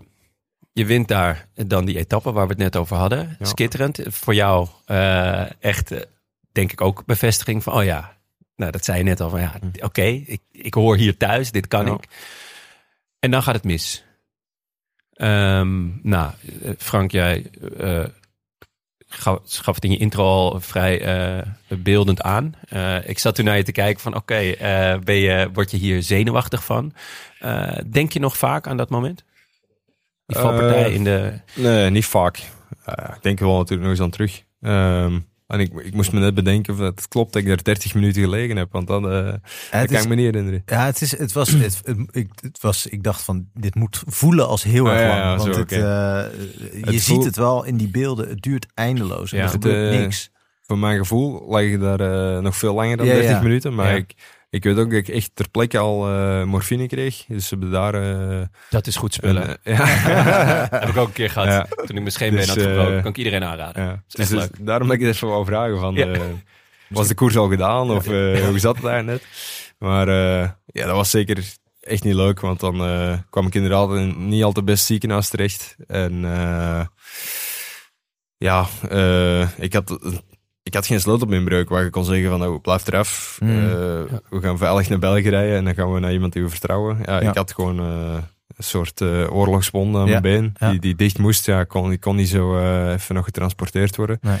Ehm, en, en jammer genoeg hebben die mensen toen ja, niet veel meer gedaan dan, dan die wonden dichtgenaaid. Nee. Dus binnen nu was er eigenlijk nog niks, niks gebeurd. En daar kwamen we dan ook pas een paar dagen later achter als we in België kwamen. Moest ik opnieuw geopereerd worden. En ja, dus eh, omdat het nu allemaal goed met mij gaat en al. eh, Kun je er wel is- over ja, kan ik er wel over Ja, praten. ja. Maar die eerste weken was het wel niet Ja, makkelijk. want ja. je, je kon niet bewegen of, of nauwelijks Ja. bewegen. Ja, dus eh, de eh, TFL, ja, ik ken TFL noemde een soort pees Ja. aan de buitenkant. Ik ken alleen de afkorting, ja, Ja, aan de ja. buitenkant van je been. Die, eh, ehm, die ervoor zorgt dat je zijwaarts stabiliteit hebt, of bijvoorbeeld zijwaarts je been kunt Ja. bewegen. Ehm, en die pees was dus eh, afgescheurd. Helemaal door. Ja, alleen eh, een pees die loshangt van elkaar. Hoe langer dat die van elkaar hangt, hoe verder dat die uit elkaar kruipt, zal ik zeggen. Een Mhm. soort eh, elastiek. Ja. Ehm, dus je kunt je al voorstellen, die drie, vier dagen eigenlijk niet gehecht was, dat die eigenlijk al steeds verder van, Ah, ja. uit elkaar was aan het, ja, moet ik zeggen, kruipen. Ja, ja, ja. Ehm, dus dat was eigenlijk het grote probleem, dat, dat ik inherent alles op controle kwam en dat ik eh, even wat testen moest doen, dat ik alles kon bewegen. En op dat moment kon ik eigenlijk met, met kruk al wel best goed stappen. Ik had ook eigenlijk weinig pijn al die operatie, dat leek eigenlijk allemaal oké te gaan. En eh, toen ik aan mijn been moest bewegen, toen eh, voelde ik mijn been eigenlijk niet. En toen ik dat of naar buiten moest bewegen, ja. ik, ik, ik dacht aan nu beweeg ik het, maar ik voelde dat die, die connectie er niet was of zo. ja. En toen ik dat zo zei tegen de dokter, toen, eh, ja, toen viel eerst mijn vrouw flauw. Eh, was, eh, ja, dus daar ging ze ook snel een ziekenhuisbed voor halen. En Toon, die zei ook van, Toon Klaas, die zei ook van, ja, dat is wel echt niet goed. Ehm, ik weet dat je naar huis wou, maar blijf nu toch met het ziekenhuis slapen. Gaan morgen eerst nog wat scans doen, want ah, dat zit toch nog iets, iets niet goed naar been. Eh, op zijn dokters, eh, ja, geen paniek, we zien Ja. dat morgen wel... eh, Mhm. dus wij gingen toch nog... Ja, Sarah kwam gelukkig bij. Eén zorg minder. Ja. Ja. Het was wel een unieke ervaring. Sliepen dan samen met mijn vrouw sliepen op een tweepersoonskamer in het ziekenhuis. Oh, Zo, dat is wel romantisch. Dat hoor. kan iedereen zeggen. Eh, Kaarsjes erbij. ja. Nee, zo'n feest was het niet. Ja, dus toen, de dag nadien, eh, maakte die scans en zei ja, ik moet je gelijk terug opereren, want eh, ja, die pees hangt los, die spieren zijn niet gehecht. Ehm, zo gaat hij zelfs niet kunnen stappen. Dus dat kwam wel even binnen van, oh, what the fuck. Ehm, dus ja, voordat ik het wist, lag ik terug op die operatietafel. En pas Acht uur? Eh, nee, Oh. ja, weet ik eigenlijk niet. Ze doen ze deed het licht Ja, uit, dus ja. eh, ik weet niet hoe lang dat was. Nee, een paar uur, maar denk Ja. ik. Viel ook wel mee. Dus over, overdag gewoon. Ehm, maar pas een aantal weken of maanden later sprak Toon uit van ja, toen je daar zei dat je been niet voelde, toen dacht ik ja, shit, zijn misschien zenuwen geraakt. Of hij was eigenlijk ook bij de dokter veel meer paniek dan Ja. dat hij op die Ja, moment ja, liet ja. uitschijnen. Ehm, knap dat hij dan eh, nog zo rustig... Ja, die heeft altijd super Ja. positief geweest. Ja. En dan achteraf, als ik dan mijn eerste stappen kon zetten, dan zei hij, oh, ja, ik ben toch blij dat je kunt stappen. Ja. En dan zei ik, Oh. ja, maar je zei toch altijd dat dat wel ging gaan? Alleen je gaat nooit... Dit is een soort mental coach eigenlijk, Ja, die dokter. ja, dat was altijd zo heel geruststellend naar mij toe. Ja. En dan achteraf van, blij het- het gelukt is. Pokerface. Ja, ja, maar dan zou ik Ja. hem nu niet meer vertrouwen. Als, stel, je gaat nu van, ja, ik heb een beetje last van mijn pink. En dan zeg ah, dat komt wel goed. Dus dan je, nee, Nee, eh, aids is ik. Ja. Het, hoe, hoe reageer jij zelf in die periode? Want ik bedoel, eh, je, je was misschien niet helemaal je bewust van hoe erg het was of had kunnen zijn. Maar het was al behoorlijk, het was al erg genoeg. Eh, ben je dan eh, somber? Eh, ben je, zie, je, zie je meteen, ben je meteen constructief? Hmm. Ehm, maar eigenlijk ging dat een beetje in fases. Dus eerst denk ik dat ik wel snel constructief was. Omdat ja, na die tweede operatie, toen, toen voelde ik dus wel dat er echt iets gebeurd was. Ja. had ik echt veel pijn. En de eerste week heb ik gewoon in bed gelegen. En eh als ze mij de eerste keer wouden rechtbrengen, dat, eh, ging ik ook bijna van mijn center. Ja. Ja, ja. Dan heb ik natuurlijk heel dat plat gelegen, dus dat bloed kreeg ineens terug beweging. En als dat dan de dag nou wel lukte, was van, hey, nu kan ik dit weer al. Ah, en ja. ja, zo in het begin ging eigenlijk alles wel, wel goed. Ik kon, kon naar huis, kon ik met krukken stappen. Kon ik op een gegeven moment bijna op mijn zij liggen. Want ik heb denk ik een maand of zo op mijn rug geslapen. Mhm. Dus van die details die je niet, niet vergeet, omdat Nee. gewoon eh, niet makkelijk is. Nee. Ehm, dus ja, dat, dat soort dingen was altijd een soort van opbouwend. Ik denk zo na een week, vier, vijf, dan liep ik nog altijd met krukken. En toen moest ik nog zeker twee of drie weken wachten voor ik mocht belasten, dus voordat ik mocht beginnen revalideren. Ja. En dan kwam wel zo'n periode van, ja, ja, ga ik nog wel kunnen stappen? Ga, Ja. ga ik nog Ja. kunnen koersen? En dan kwamen al die vragen en dan, dan heb ik al een, een moeilijkere periode gehad. Ja. Dat kan me voorstellen, Dus, ja. eh, Hoe, eh, hoe ben je eruit gekomen? Hoe, hoe heb je het opgelost? Eh, ja, ik ben snel bij Lieve Maaschalk terechtgekomen. Dus eh kinesist ook van de Rode Duivels bijvoorbeeld. En wel een, eh, Kinesist, even voor onze Nederlandse ja, luisteraars. een fysio, Ja. fysiotherapeut. Ehm, die, die een heel team achter zich heeft. Dus heel veel fysio's werken en, en dokters kent. En een heel, ja, echt gespecialiseerd is in revalidatie eigenlijk. Heel Ja. veel voetballers komen daar. En, dus eh, ja, de dag dat ik mocht beginnen revalideren, was ook de dag dat ik begonnen ben met eh, vijf à zes keer per week naar daar te gaan. Dus eh, vanaf van niks doen was het ineens naar afzien. Dus dat ik toch bijna drie maanden, denk ik, niks anders gedaan als bij de kine geweest. En eh, ehm, ja, eigenlijk zoveel mogelijk in het moment proberen te zijn. Dus gewoon ja, dat een bepaalde oefening zo goed mogelijk doen. En, en Mentaal, hoe heb je het mentaal... Nou ja, je hebt getwijfeld. ja. Hè? Kom ik ooit nog op... op eh, kan, ik, nee, kan ik überhaupt lopen weer? Mm. Kan ik, haal ik mijn niveau? Word ik ooit nog prof? En zo ja, op welk Ja. niveau? Eh, hoe, hoe heb je het mentaal opgelost? Ja, niet altijd makkelijk. Ik denk dat mijn vrouw dat zeker kan beamen. Dat ik, ja, zeker als ik bij de kine was of, of bij de fysio was, dan had ik Ja, altijd het gevoel van ik ben er nu aan aan het werken. Ja. Maar dan kwam de s'avonds thuis en dan... ik had bijvoorbeeld ja, wel twee of drie maanden een stuk een opgezwollen knie. Dat was ook een soort reactie van, eh, van de revalidatie nog. Ehm, omdat die bilspieren dus nog niet zo goed werkten, kwam heel veel druk op mijn knie, et cetera. En dan lag ik daar altijd met ijs op mijn knie. En dat was zo elke keer een confrontatie, elke avond van, ja, wat ben ik eigenlijk aan het doen? Er, er komt geen eind aan hier. eh. Ja, dus als je die tijd kreeg om na te denken, dan, dan ging het niet altijd goed eh, in het hoofd. Ehm, maar ja, ik heb gewoon eigenlijk, denk ik, niet echt ruimte gelaten om, om, om, te, om eraan toe te geven. Ja, ik heb gewoon blijven doordoen en ja, tussen acties voordat ik het wist, eh, ja, kon ik weer wel fietsen en kwam er wel een beetje licht aan het einde van de tunnel, zal ik maar zeggen. Ja, ja ik heb... eh, Zijn de tegenslagen die je sindsdien hebt gehad, eh, kun je die makkelijker plek geven omdat je echt al, omdat je zo, zoiets ellendigs hebt meegemaakt? Of is dat, is iedere tegenslag toch Ja. weer, heeft hij zijn eigen eh, teleurstelling Ja. en ver- vervelende periode? Ja en nee. Dat, ja, natuurlijk eh, dat zou ik nu misschien makkelijker eh, een kleine botbreuk of zo kunnen, kunnen plaatsen. En zeggen, well, ja, dat, dat gaat wel snel verder. Ja. Ehm, maar ja, bijvoorbeeld eh, twee jaar geleden de Ronde Vlaanderen miste de COVID. En dan niet zoiets Ja, van, ja. oh, ja, zo erg is het niet. hoor. Uw, Nee. been, uw been kan er ook af zijn. Ja, ja, ja, Dus, ja, eh, bijvoorbeeld. Maar zo, zo redeneer je dan niet. Nee, ja, dan zit het toch op die moment, ja, ben je dat gelukkig maar al toch een beetje vergeten. Ja.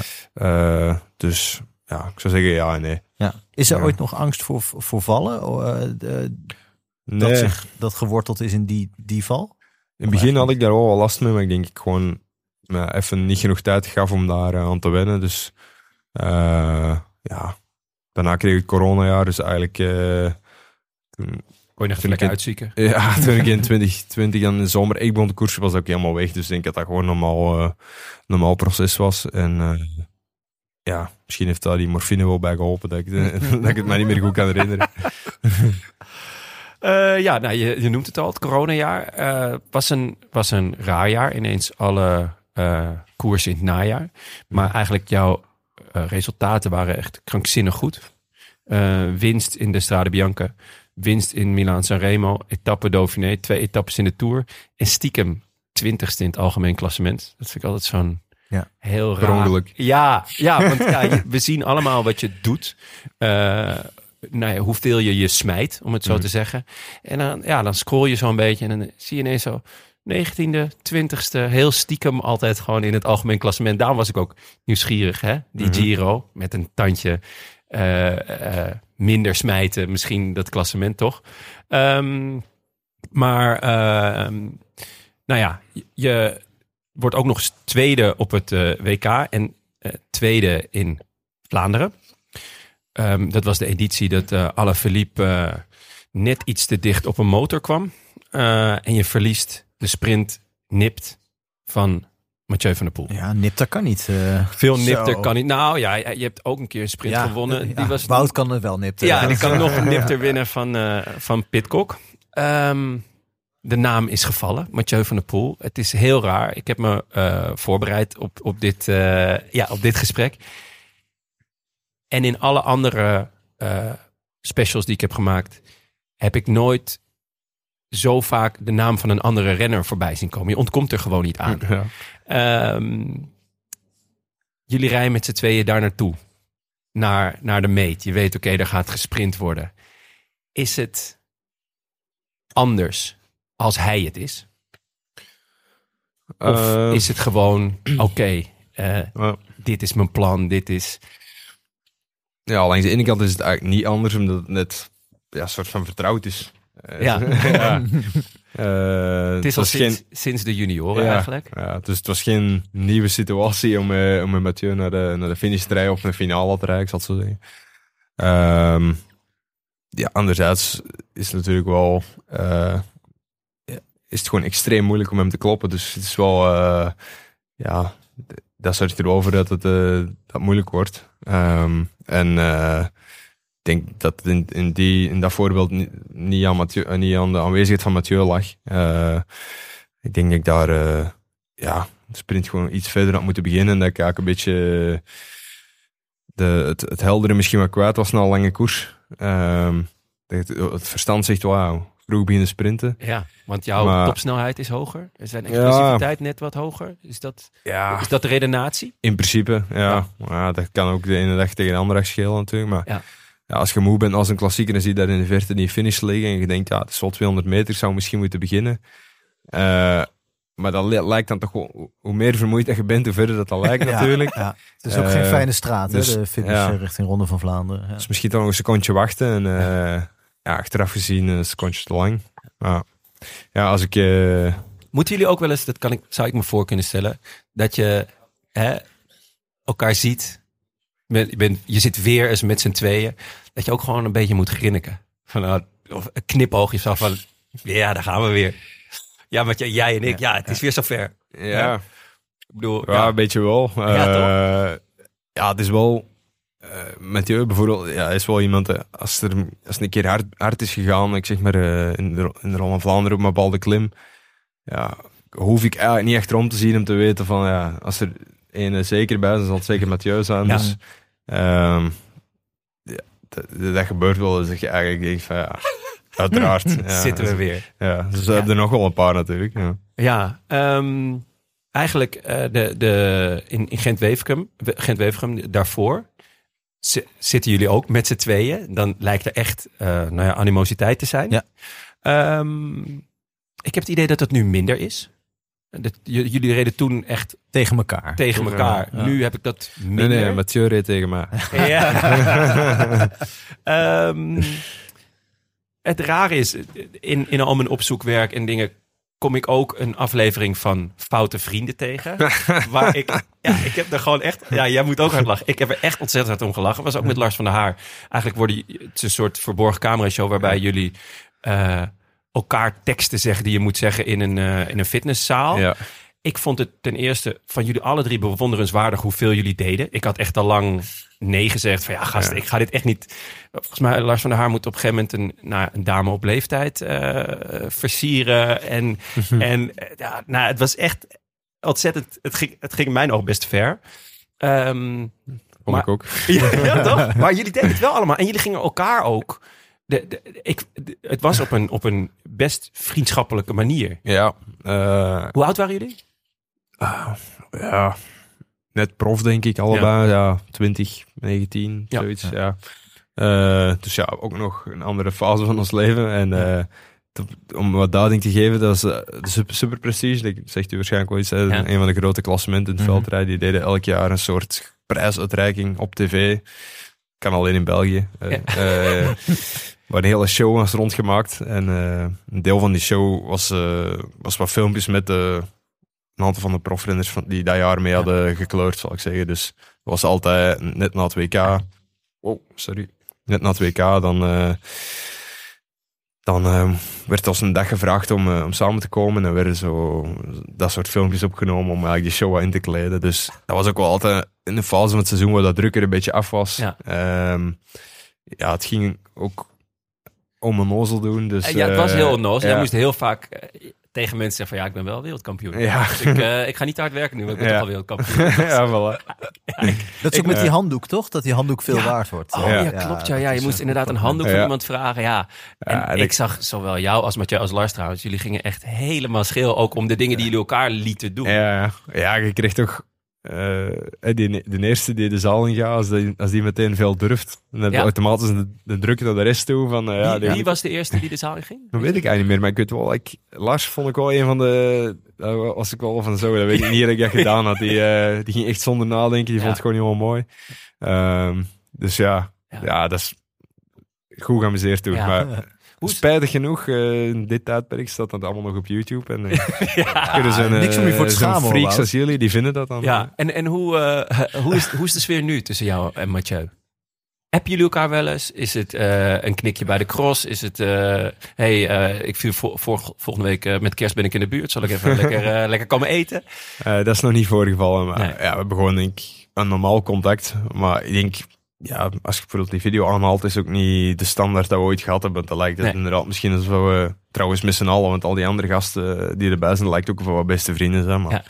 ja, dat is gewoon eh, dik respect naar elkaar toe. En ehm, ja, eh zullen zeker eens een keer eh, praten als dat zich past. Ja. Maar ja, in heel veel koerssituaties, als we elkaar zien, is het om de knikkers en dan wordt er niet te veel gepraat. Dus Ja. ja. Ik, ehm, ik las ergens een paar maanden geleden, en misschien is het wel uit zijn verband getrokken, maar dat je overwoog door het succesjaar wat Van der Poel eh, heeft, in ieder geval eh, qua resultaat, dat je overwoog om anders te gaan koersen in situaties met hem. Dus Ik, ik weet eh, dat dat zo is opgeschreven. ja, zo is het opgezet. Maar Dus Corrigeer ja, Ja. ik zal het corrigeren in Ja, die zin dat, eh, dat ik aangaf van, ja, ik heb al gemerkt dat ik eh, soms anders moet durven koersen. Eh, dat ja, te enthousiast koersen eh, niet, niet altijd de beste tactiek is. Zeker niet als je met gasten als Mathieu en Pogacar rondrijdt. Ehm, en dan is het ervan gemaakt dat dat mijn antwoord was op, op Mathieu's succes van dit jaar. Maar zo in die context is dat, was dat helemaal het interview niet. Dus nu kwam het een beetje over, vanaf nu ga ik op zijn wiel koersen. Ehm, dat is eh, helemaal niet de bedoeling. Ehm, maar het is wel zo, ja, zo sterk als Mathieu afgelopen jaar was. Die me ook vaak van achter aangevallen. Eh, wat trouwens een goede recht is, maar Ja. oh, dat is wel een extra reden voor mij om te weten van ja, als ik met u mee kan, eh, ja, dan, is het, dan, dan moet ik het soms wat slimmer doen en niet gewoon vol gaan meerijden. Ehm, ja, dit jaar had ik toch zeker een, een streepje voor op al de rest met, met mezelf in klas. Dus en eh, ja, bijvoorbeeld in de ronde werd, kreeg ik het tekstel op mijn neus, werd ik er eh, vroegtijdig afgereden. En eh, ja, achteraf gezien eh, had ik natuurlijk maar iets meer moeten sparen dat ik daar wel nog mee kon. En is het, is het zo dat met Mathieu, in mindere mate ook met Pogacar, misschien ook wel met Pedersen, dat je terwijl je rijdt, of het nou in Sanremo is of, eh, of in eh, Vlaanderen of in Roubaix, dat je ervaart van ik ben nu onderdeel van echt een soort legendarische periode. Want voor ons wielerliefhebbers is dat denk ik echt zo, dat jullie week na week, jaar na jaar, waar ook ter wereld, eh, tegen elkaar opnemen en voortdurend strijd leveren. En dat, of denk je van, nou ja, goed, als het met, eh, met eh, een paar onbekende Polen en Italianen is, vind ik het eigenlijk, eigenlijk net zo belangrijk. Is dit een Disney Kwiatkowski? eh, nee, snap je wat ik bedoel? Dus dat je, dat je ervaart van, oké, ik ben nu wel onderdeel van een soort van iets bijzonders in de koers. Of kan je dat eigenlijk Op niet schelen? Ja, ja, nee, ja, dat vind ik niet belangrijk. Nee. Nee, dus eh, iets als je achteraf een beetje van op afstand bekijkt, dan realiseer je dat misschien een beetje. Eh, maar op dit moment zelf... Tijdens niet. Ja, dan zit je in de koers en dan... ehm, ja, neemt daar Pedersen weg en eh, iemand totaal onbekend bij een groep. Ja, dan wil ook die onbekende ook ja, kloppen. Ja, ja, Dan ja. gaat die... Zoals bijvoorbeeld een koers als in Glasgow, wat zo zwaar was, eh, waar je een beetje op doelt, denk ik. Eh, als, we daar met, met vier voorop rijden, er is iemand bij die je totaal niet verwacht had. Het is niet echt je die ineens gaat onderschatten, want het feit Nee. dat hij daar zit, eh dan moet wel echt sterk geweest zijn. Dus het is niet dat je op dat moment bezig bent van, goh, je eh, je eigen arm knijpt van, eh, oh, hier, zit ik toch weer. Ja. Eh, ja, dat zijn meer gedachten voor, eh, voor in de winter of tijdens de podcast. Ja, ja, ja, maar ze zijn er wel. Ja. Eh, 2021. eh, een, nou ja, een krankzinnig goed jaar, wederom. Ehm, laten we kijken naar met name de Tour. Je wint drie etappes. Ehm, de Van Toe, nadat je de dag ervoor nog tweede wordt in een massasprint. Dus de dubbele Van Toe. Je wint de tijdrit in rit 20 en de volgende dag op de Champs-Élysées. Ehm, ik weet nog dat ik daarnaar zat te kijken en ik dacht, wat is dit voor waanzin? Ehm, nou, jij vraagt het net ook. Had je dat zelf ook?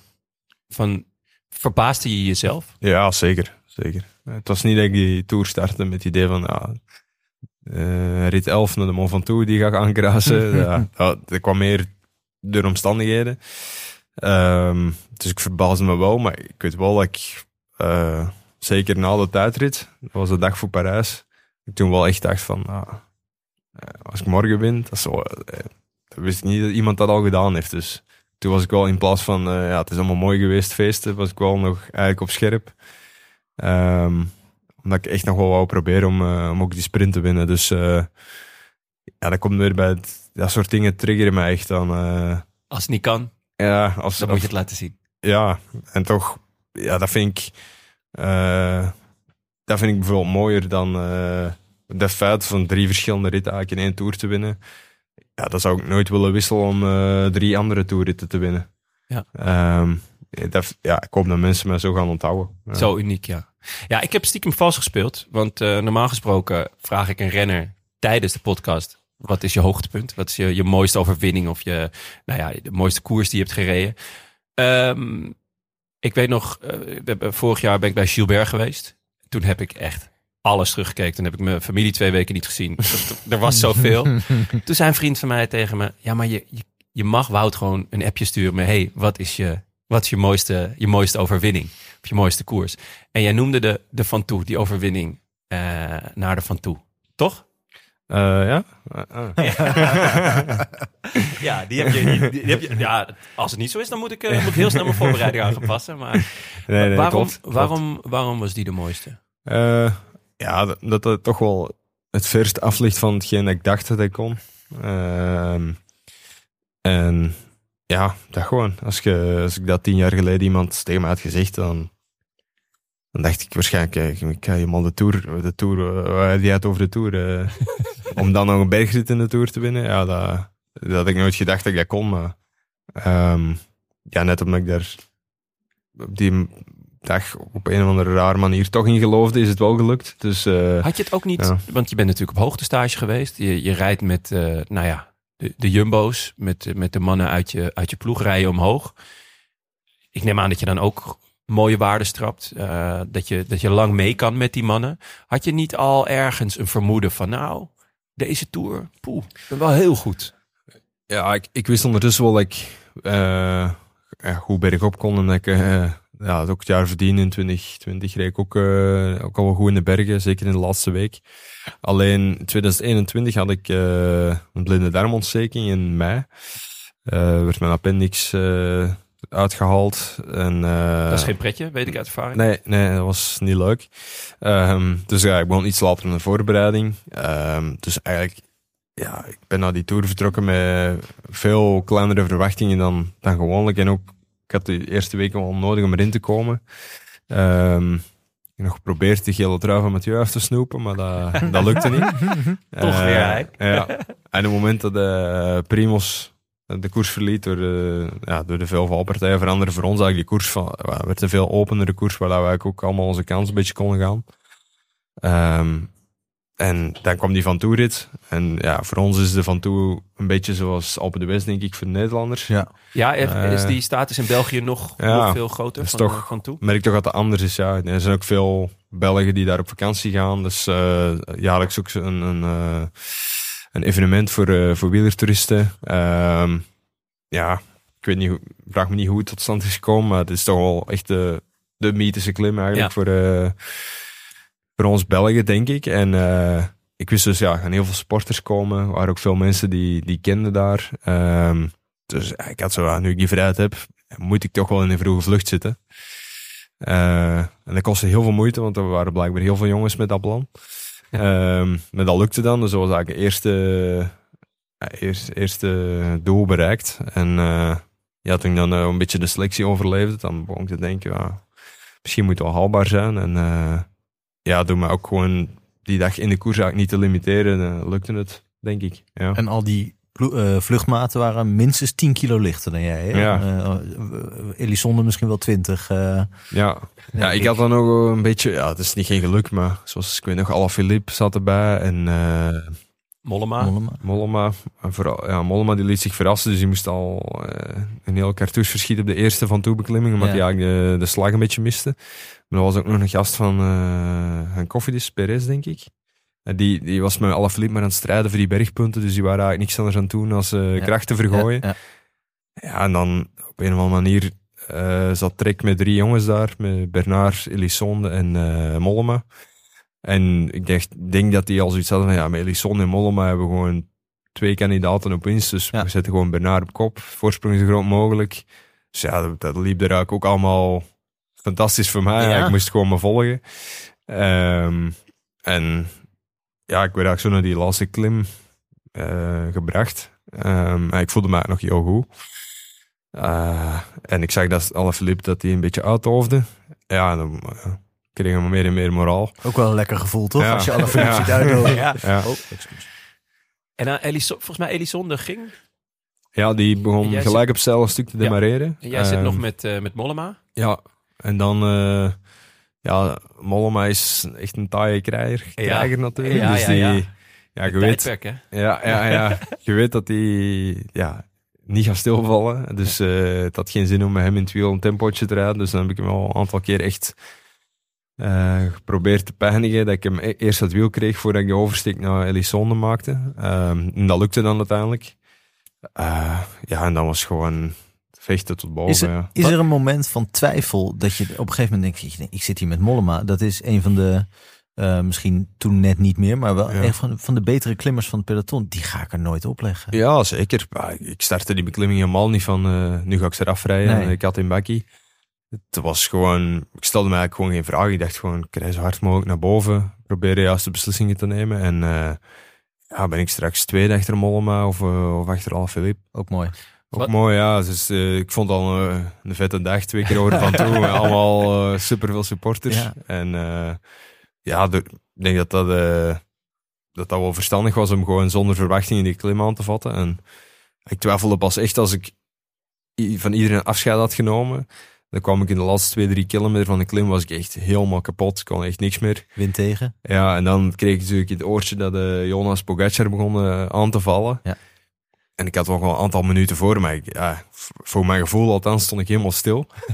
dus eh, dan kun je geen helder beeld meer vormen van wat twee minuten wel e- echt is. Dan denk je, Mhm. oh, ze zijn er al. Hm. Dus Ah, ja. toen sloeg wel de paniek zo'n beetje toe van het gaat me alsnog ontlopen. En kunnen, kunnen de mensen in je oortje je dan rustig houden?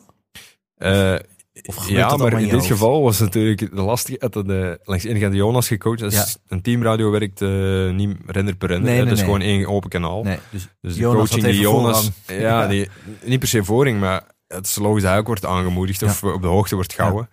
Ehm, maar het is dan ook logisch dat de Marijn die achter mij rijdt, dat die niet zegt van ja, maar Jonas, gaat echt niet zo hard. Moet niet panikeren, die, eh, die doet rustig aan. ja, dus ja, die, die zegt ook gewoon van eh, focus op jezelf. eh, Dus er zit één auto die zit te roepen: Jonas, je bent geweldig. Je, je gaat, je bent Wout is vlakbij. Je, je, je, gaat, je bent aan het knallen en zegt: Ah, Jonas, het gaat niet zo heel hard. Wout, rustig aan. Jonas, gaat niet zo. Hij, hij, ligt wel een beetje op kop, maar ja. wat goed. Ja, dat is wel, ja. Dat is wel iets dat mensen denk ik ook ja, wel leuk is denk ik om te weten. Dat, die- Die chaos in een teamradio, dat kunnen eigenlijk niet... eh, ja, je hoorde wel snel de koersrenners zeggen van eh, ja, ik heb het niet goed begrepen of Ja. eh, het was niet duidelijk of zo. Maar voor ons renners is dat heel normaal, een heel normaal excuus. Voor mensen thuis die denken waarschijnlijk, ja, eh, je hebt toch een oortje in, hoe, hoe moeilijk kan het zijn. Ehm, maar die chaos is soms zo groot dat, ja, dat toch altijd nog belangrijk is dat je zelf je kop erbij houdt. En als je zo moe bent, dan heb je toch helemaal geen zin om, het, om, de, om het, de aanmoedigingen Ja. voor iemand anders Nee. aan te horen. Maar je hoort ook, ja, zeker je echt zo aan het afzien bent, worden eigenlijk maar half. Ja, Ik kan. Je hoorde alleen maar vroeger-. Ja, ik weet dat ik, eh, wat ik me wel pardon, herinneren was dan later. Dus eh, ik reed de afdaling naar beneden. Ik had nog steeds eh, ja, een minuutje voor of zo, denk ik. Ja, Mhm. het was eh, helemaal safe. En toen kwamen we dat dorp, uh, binnen. En dan waren nog twee bochten in de laatste kilometer. En ik was al helemaal van, ja, het is binnen. En ik had helemaal losgelaten. Ik was eh, aan het jagen met de mensen langs de kant. En toen was mijn rij nog niet altijd... gefocust door de bocht, eh, opletten. en, eh, en toen heb ik me een keer omgedraaid en ik weet niet, een duim opgestoken of Ja, zo, weet ja, ik veel. ja. En toen was ineens, eh, oh ja, ja, geniet ervan, hè, fantastisch. Maar Ik hij, zat, hij zat nog zo hard in de, Ja. van, ik moet hem coachen totdat hij echt Ja, over ja, de finish bolt. ah, Dat hij eigenlijk vergat van, ja, is er gewoon. Ik kan, er kan, eh, ik kan nog drie keer vallen, zijn ketting vijf keer breken. En dan, dat, ik dan wandelde nog als eerste over ja. de En meet. je bent niet Dan Martin, dus dat is, gebeurt dat niet. wa- wanneer was het moment dat je wist: oké, hij is binnen? Ja, voor mij lag de finish boven. Want ik Ja. dacht, ja, hoe kapot ik ook ben, dan is het natuurlijk wel een voordeel om net een tikkeltje zwaarder te zijn. Ja. Dus ik dacht, ja, die- of ze moeten met tien ronddraaien achter mij, maar dat gebeurt ook nooit in een realistisch scenario. Maar als ze achter mij ook allemaal één per één boven komen, kan er niemand sneller naar beneden in principe. Dus eh, ja, toen ik boven kwam en ik had nog meer dan eh, een minuut voorsprong, denk ik. Misschien een niet helemaal een minuut, maar wel op, eh, op Jonas en zo. Ja. Toen dacht ik, oh ja, dit, dit kan normaal niet meer mislopen. En dan? Dan rij je daar en denk je: Godverdomme, ik ga gewoon er van toe. Ja. Ik moet wel zeggen, ook die afdaling was nog afzien. Ik was echt zo naar de kloten. Ik probeerde mij klein te maken op de fiets en armen, alles was helemaal verzuurd. Dus eh, dat was nog niet echt direct genieten. Eh, en ik was ook de eerste drie ritten nadien was ik gewoon echt slecht. Ik ben Ja? zo echt, eh, ben er nooit zo over mijn limiet gegaan als, als die dag. Nee, je hoort Eh, ook, in de afloop word je geïnterviewd, ik denk door de officiële to- eh, tourorganisatie. En je bent echt een beetje aan het stamelen, omdat je Oh, ik, ook eh, duidelijk nog ja. niet helemaal erbij bent. Nee, nee, ik was echt...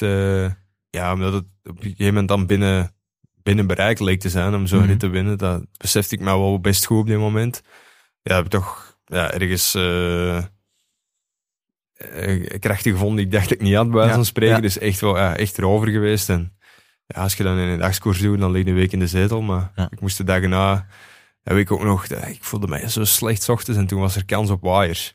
En we weten in de Tour, als er gewoon als er nieuws. gewoon één Beaufort is, dan is er al kans op waaiers. Ja. Eh, Dus daar is de stress, ja, gewoon die stress al. En reden naar daar en ik dacht, ja, dat gaat gewoon echt niet lukken. Ik ga gewoon in de start gelost worden. Ik ben, ik ben gewoon te moe. Dat, dat lukt Ja, vandaag niet. En ik, weet ik toen echt half in paniek aan de start stond.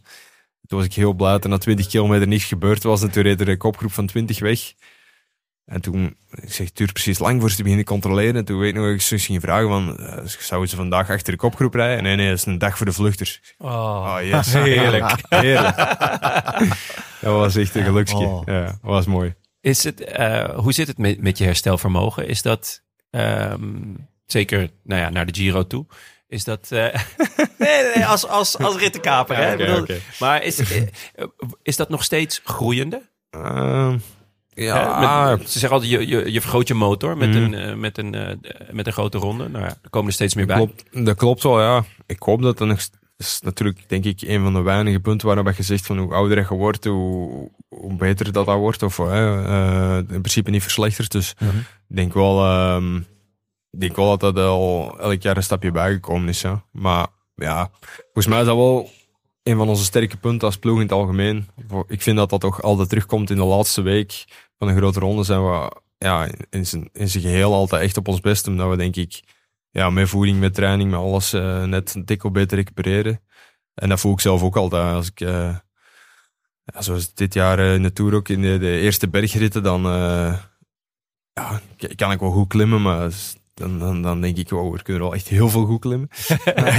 Ja. En dan in de laatste week, dan, dan hoorde plots bij de, bij de 20 beste klimmers bij ons spreken. Dus ja, dat, Dan kan je Mike in één keer nog een keer terughalen. ja, bijvoorbeeld. Ja. Ja, in, in dat Dan kader weer bij die Polen. Hè. is, eh, moest, zat ik aan te denken van, je zei van, nou goed, in de Van Toe, die won je natuurlijk. En dat was, eh, toen won je iets waarvan je niet wist dat je het ooit zou kunnen winnen. Ik zat te denken aan die, eh, die beklimming naar Hotakam, dat je, dat je Pogacar Ja. lost. Dat is qua, qua tegenstand nog andere koek dan Elisonde en, eh, en Mollema misschien. Zeker, ja. Dat ja, is die kon ik iets- niet vernoemen, omdat dat geen overwinning Nee, was. Dus, maar dat eh, is toch ook een... Nou ja, nee. De, Bizar, hè? niet per se de overwinning te noemen. Oké, hè? dan heb ik het fout eh, geïnterpreteerd. Nee, was, eh, was dat ja, nog mooier? Het is toch wel anders dat je met die handen over de lucht over de finish kunt rijden natuurlijk. Ja. Maar het staat ook wel zeker eh, bovenaan in de lijst van bijzondere dagen op de fiets. dat was... eh, ja, Jonas die stond er heel goed voor in het klassement. Ja. Eh, we hadden die slag geslagen op de Col de Granon.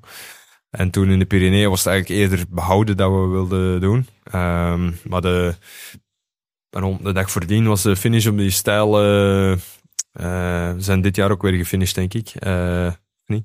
Die steile muur. Eh, Loze? nee, Nee. eh, Nee. goh, zo'n zo'n eh, vliegveld. eh Peragude. Oh, ja, ja, ja, ja, ja. Nee, dit jaar zijn we niet gefinished trouwens. Eh, Vergeet het. Eh, Het was in ieder geval een steile finish. En eh toen reed UAE nog met drie renners in de ploeg. Dus Pierre, eh McNulty en Pogacar. En ja, die hebben er zo hard gereden die, die dag. Die hele koers gecalculeerd met, met z'n tweeën eigenlijk. En eh Pogacar won die rit. En toen dachten we, ah shit, eh, Hij is echt we nog toch nog... ja, het mag, mag geen slechte dag want dan verliezen gewoon terug twee minuten. Dus we stonden wel echt op scherp voor die rit naar Hotakam. En ik had ook wel echt een, ja, een bewijsdrang van ja, vandaag moeten we het wel echt gaan binnenhalen. Dus eh, eh, niks beter op gevonden dan eh, achter de auto te demareren, kilometer nul. Eh, ik dacht, dan delen we al de eerste mentale tik uit. En eh, ja, ik zat in de kopgroep. Ehm, en ja, ik kon het gewoon allemaal lang volhouden. Ja. Dat kan natuurlijk allemaal zo niet gepland. Hè. Eh, dat lijkt soms een beetje op PlayStation dan natuurlijk. Van, eh, dan Ja. wachten ze en dan rijdt die op kop. En dan zo en Zeker zo. die etappe. Ja. Het kwam allemaal wel Ehm, heel erg bij elkaar. ik denk dat we gewoon ja, als ploeg, eh ploegmaats onder elkaar heel goed weten. eh, of op elkaar vertrouwen en, eh, en weten hoe dat we het willen doen. En dan, en dan kunnen zo'n dingen laten werken, zal ik zeggen. Maar ja, ik, toen had dus ook coaching in, de- in de radio. En ik weet nog, ik echt, ja, ik dacht, ik doe nog één stevige beurt voor Jonas. En dan Ja. ja. kan ik gewoon niet meer. We waren vier kilometer onder de top. Het was sowieso best safe qua toeroverwinning, zal ik Ja. zeggen. En toen ik eigenlijk dacht, ah, ik kan gewoon niet meer. ik, je kunt zo op een gegeven moment ook dat je niet meer kunt afzien, zodat het gewoon te veel pijn doet dat je het gewoon wilt stoppen. dus dat had ik eigenlijk doen. En op dat moment zei Grisha in de radio, weet ik nog heel goed van. eh, hij zit op twee meter, Pogacar lost. Ja, natuurlijk. Ja, kon ik dan ineens wel nog even 500 meter doortrekken. Dus dat was wel een speciaal moment. Eh, ja. Ja. Daarna nog even in zijn wiel gezeten ook, geloof ik. ja, een halve seconde. Ja. ah, dat was wel een heel mooi beeld. Ja. Ehm, uit 2023 wou ik eigenlijk eh, één, één koers pakken. Parijs-Roubaix. Eh, er gebeurt een hoop. Je zit diep in de finale. Ehm Degenkop valt. Eigenlijk op wonderbaarlijke manier vallen Philipsen en Van der Poel niet. Eh, jij bent volgens mij heel goed in orde. Ehm, er volgt een demarrage. Je hebt een gaatje. Toch? Ja, Ja, zo ging het een ongeveer. mooie, mooie opzomming Mooie-. Ja, Nu de emotie, die, komt, die, die moet jij doen. ja zo. die mag jij. eh, ehm, wat dacht je toen je het gaatje had? Eh, heel eerlijk, ik, Ja? ik dacht, eh, ik- ja, nee, niet van ik heb gewonnen bij wijze van spreken, maar ik dacht wel dat ik weg was. Ja, Dus eh, de eerste keer, sinds dat ik uh, ja, Roubaix nu toch een aantal, aantal keer gereden, en de eerste keer dat ik eigenlijk een soort van fris aan Carrefour de Larbe begon, met nog het idee van, zo ga ik het aanpakken. En eh, dat wordt mijn moment. Eh, dus ja, dat dacht ik eigenlijk van, ja, ik voelde dat ik een aantal meter had en eh, ik dacht, eh, ja, ik dacht, nu gaan. Wat En, hoor je eh, van zo'n valpartij? Of zie je misschien Ik, eh, iets in je ooghoek? Ik zat eigenlijk op, mm, bovenop de rug van de kasseien en ze reden schuin, Schuin rechts voor mij. Of Oh, voor je. voor mij, denk ik. En ik denk eigenlijk dat de Philipsen, die ging dus eigenlijk... Ik denk op die reed al op de zijkant. Als Ja. ik me nog goede, eh goede beeld voor me heb. Dan reed Philipsen reed op kop voor ons. Mathieu in het wiel en ik in het wiel van Mathieu. En net op het moment dat Mathieu eigenlijk Philips langs rechts wil passeren, is Philips ook blijkbaar van plan om op die zijkant te gaan rijden. Dus hij neemt Mathieu mee eigenlijk naar de zijkant, waar dat degenkoop al fietste. Mhm. En zo kreeg je een soort eh, sandwich die, eh, ja, ja, ja. zoals je net zei, enkel degenkoop niet, eh, niet goed overleefde. Nee, nee, nee. Maar dat is eigenlijk dus allemaal in mijn rechter ooghoek gebeuren. En ik was eigenlijk van plan om te demareren na de bocht. Dus je hebt één haakse bocht op Carrefour. Ja. Dan moeten ze een keer van stilstaan terug optrekken. Optrekken, dat, dat doet, meestal pijn. Dus dat was eigenlijk mijn initieel plan. Maar toen zei ik plots degenkop vallen. En ik wist eigenlijk... Ik, ik, voor eerlijk zijn wist ik niet van ligt, Mathieu en, en Philips er nu bij. Maar ik had gewoon een reflex van ja, nu gaan. Ja. Eh, Schaals hier op rechts. De, de zee ging ook soort van open. Voor mij was ineens plaats. Ja. Dus eh, ja, ik zette mijn demarrage vroeger in dan gepland op, op gevoel. En ik voelde gelijk dat er niemand in mijn spoor zat. Eh, en toen kwam ik die bocht uit. En met ik die bocht uit kwam, voelde ik mijn achterband zo wat wegrollen. Gebeurde in die bocht, Ja. of niet? Ja. Eh, en toen dacht ik gelijk, shit. ja dat Ja. was het verkeerde gaatje. Dus, ehm, Is shit de, ge- de gecensureerde versie eh, van wat je dan denkt, of niet? Nee, ja. Ben je dan echt kwaad? Of? Nee. Eh, ik- ja. Ik heb altijd een soort drang om toch te blijven verder doen. Of ik Mhm. hoe moet ik het uitleggen? Eh, je- je- het, lijkt zo, het lijkt wel of ik maar half besef dat je lek staat. Ja, echt? Ja, ik, dus je beseft goed wat er aan de hand is, maar ik denk, je denkt direct, ah, misschien kom ik het einde van de strook. Eh, ja, Je bijvoorbeeld- eerste reactie is niet... Het is ja, verloren. ik vind soms dus heel eh, apart, bijvoorbeeld in de cross zie je ook wel eens, dat iemand die lekker rijdt en gelijk met zijn hand zwaait en Ja, gewoon ja, ja. drie meter verder stopt en onder het lint kruipt. Dat, dat, dat is zoiets dat ik mij niet, ik kan me dat niet voorstellen. Ik, eh, ik, ik heb zoiets van, ah, achteraf gaan we dan kijken, maar nu eerst, ja, Zo ver mogelijk doorgaan. ja, dus ik probeer ook effectief nog... Ja, ik denk dat Mathieu die kwam me snel aansluiten. En die zag uiteraard dat ik lek stond achteraan. En zelfs toen was ik aan het denken, ja, als ik in zijn wiel van die strook kan komen... Ja. dan, dan Maar is dat- heb ik misschien een kans. Ja, Dus maar dat is eigenlijk niet realistisch, toch? Op Nee, dat moment. Dus je bent dan heel- niet helemaal Nee. helder, bijna. Nee, ja, dat is- Nee. ja zeker. Ik zeg altijd, je kan liegen tegen iedereen, maar niet tegen jezelf. Maar dat kan jij dus wel. Ja, eigenlijk wel. En ja. Want, ja, het kan ook in je, in je voordeel werken natuurlijk. Want je blijft ja, gaan. Want eh, ja, achteraf kunnen zeggen, ja, wat heeft het gebaald? hè? Ik sta op het podium, dat is inderdaad mooi, dus het was zeker de moeite waard. Maar eh, voor de overwinning gesproken dan. Maar op die moment weten niet, eh, ja, kan Mathieu het volhouden? Eh, stel Mathieu uit die volgende strook lek. Ja, dan zouden we nog wel vloeken dat je achteraf zegt van, eh, ja, ik ben gelijk gestopt. Ja. Dus ja, ik vind het gewoon altijd belangrijk om tot op de meet en dan, dan zullen we wel kijken of het zin had of niet. Maar dat, dat is wel mijn, In- ja, de manier hoe ik koers. In navolging daarvan ben ik wel benieuwd. Wist je op het WK dat Mathieu was gevallen? Nee, Nee, hè? nee. Want eh, ik weet nog, ik over de finish bolde en dat er dan ja, heel veel mensen rond Mathieu stonden. En dan was echt al aan het grimassen en dan zag je dat hij bal pijn begon te krijgen of, Ja. of had. En toen schrok je helemaal van, wow. eh. Als ik me goed herinner, ben de zo niet van ons weggereden. Toen had je al je kleren nog. ja. Ehm, ja, hij was gewoon de sterkste in die koers. Ja, dit- Ehm. Maar, maar dat is wel een soort van frustrerend, omdat we hebben echt gewoon, laten we zeggen, nog twee minuten achtervolgd. En Ja. dan nadien hebben we gewoon met z'n drieën naar elkaar gekeken, omdat we dachten, ja, we kunnen alleen nog tweede worden. Ja. En achteraf begin dan wel na te denken. Toen kwamen we aan de finish en ik had al het gevoel dat we al een halve ronde eigenlijk niet hard hadden gereden. Bij het ingaan van de laatste ronde was dat. En toen waren we nog altijd met 25 seconden achter of zo. Ja, ah, oké. Ja. Ik dacht dat we Ja. al verder gingen achter zijn. ja, maar oké, 25 seconden. eh, ik had ook niet overbruggen met die twee met wiel. Maar achteraf snapte ik het natuurlijk wel, want dat was ondertussen gevallen. Zijn schoen was kapot. Ja.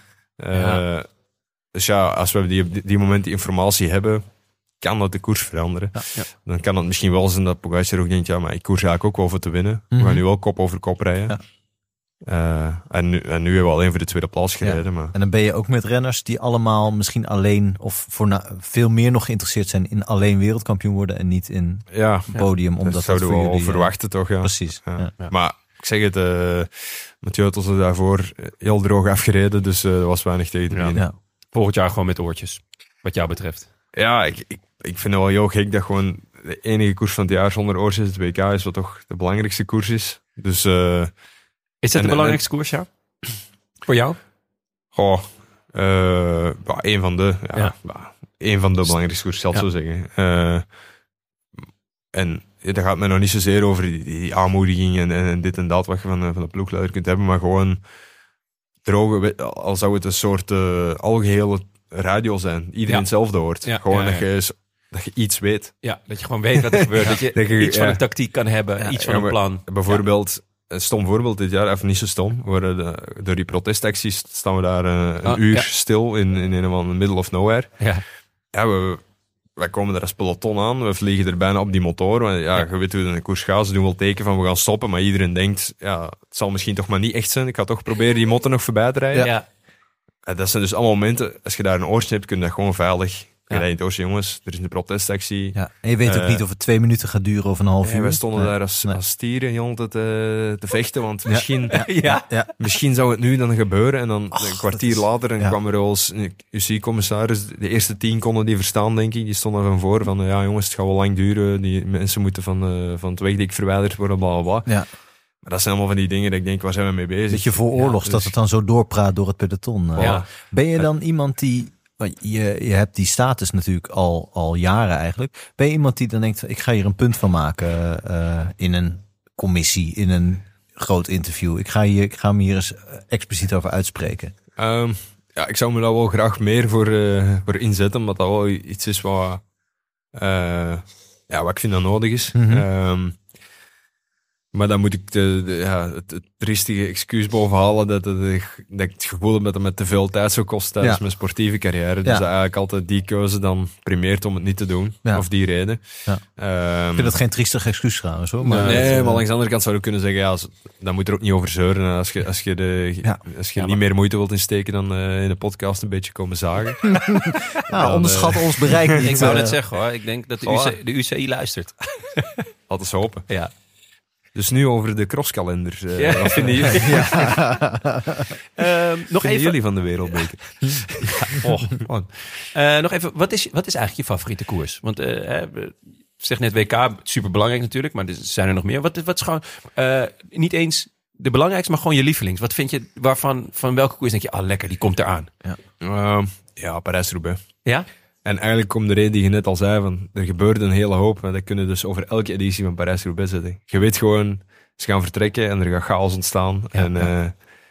ja, het is gewoon... eh, het is ook zo'n zo'n dag, dan sta je op en dan lig je s'avonds terug in bed en dan denk je... "Huh, vijf minuten geleden ben ik opgestaan. En gewoon alles, Ja? alles is zo flitst voorbij en je bent... Ja, En kijk je hem dan wel eens terug, bijvoorbeeld?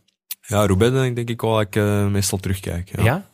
En is dat dan om te leren of gewoon om te herinneren van, goh, wat is er nou eigenlijk allemaal Mm. gebeurd? Ja, allebei denk ik. Eh, soms, ja, eh, voor jezelf weten we wel ongeveer wat er gebeurd is. Eh, maar het is ook de, de koers bij uitstek waar iedereen heel veel pech heeft gehad. Ja. Dus in alle finish interviews is altijd, ja, toen reed ik lek en anders dit en anders. En dan vind ik het wel eens leuk om terug te kijken van, maar, ja, waar had die pech of hoe zat dan het precies? Of die leek toch goed in het begin, maar die heb je nou nooit meer gezien. Eh, ja, dat soort dingen kunnen, die verhalen kunnen dan wel een beetje Ja.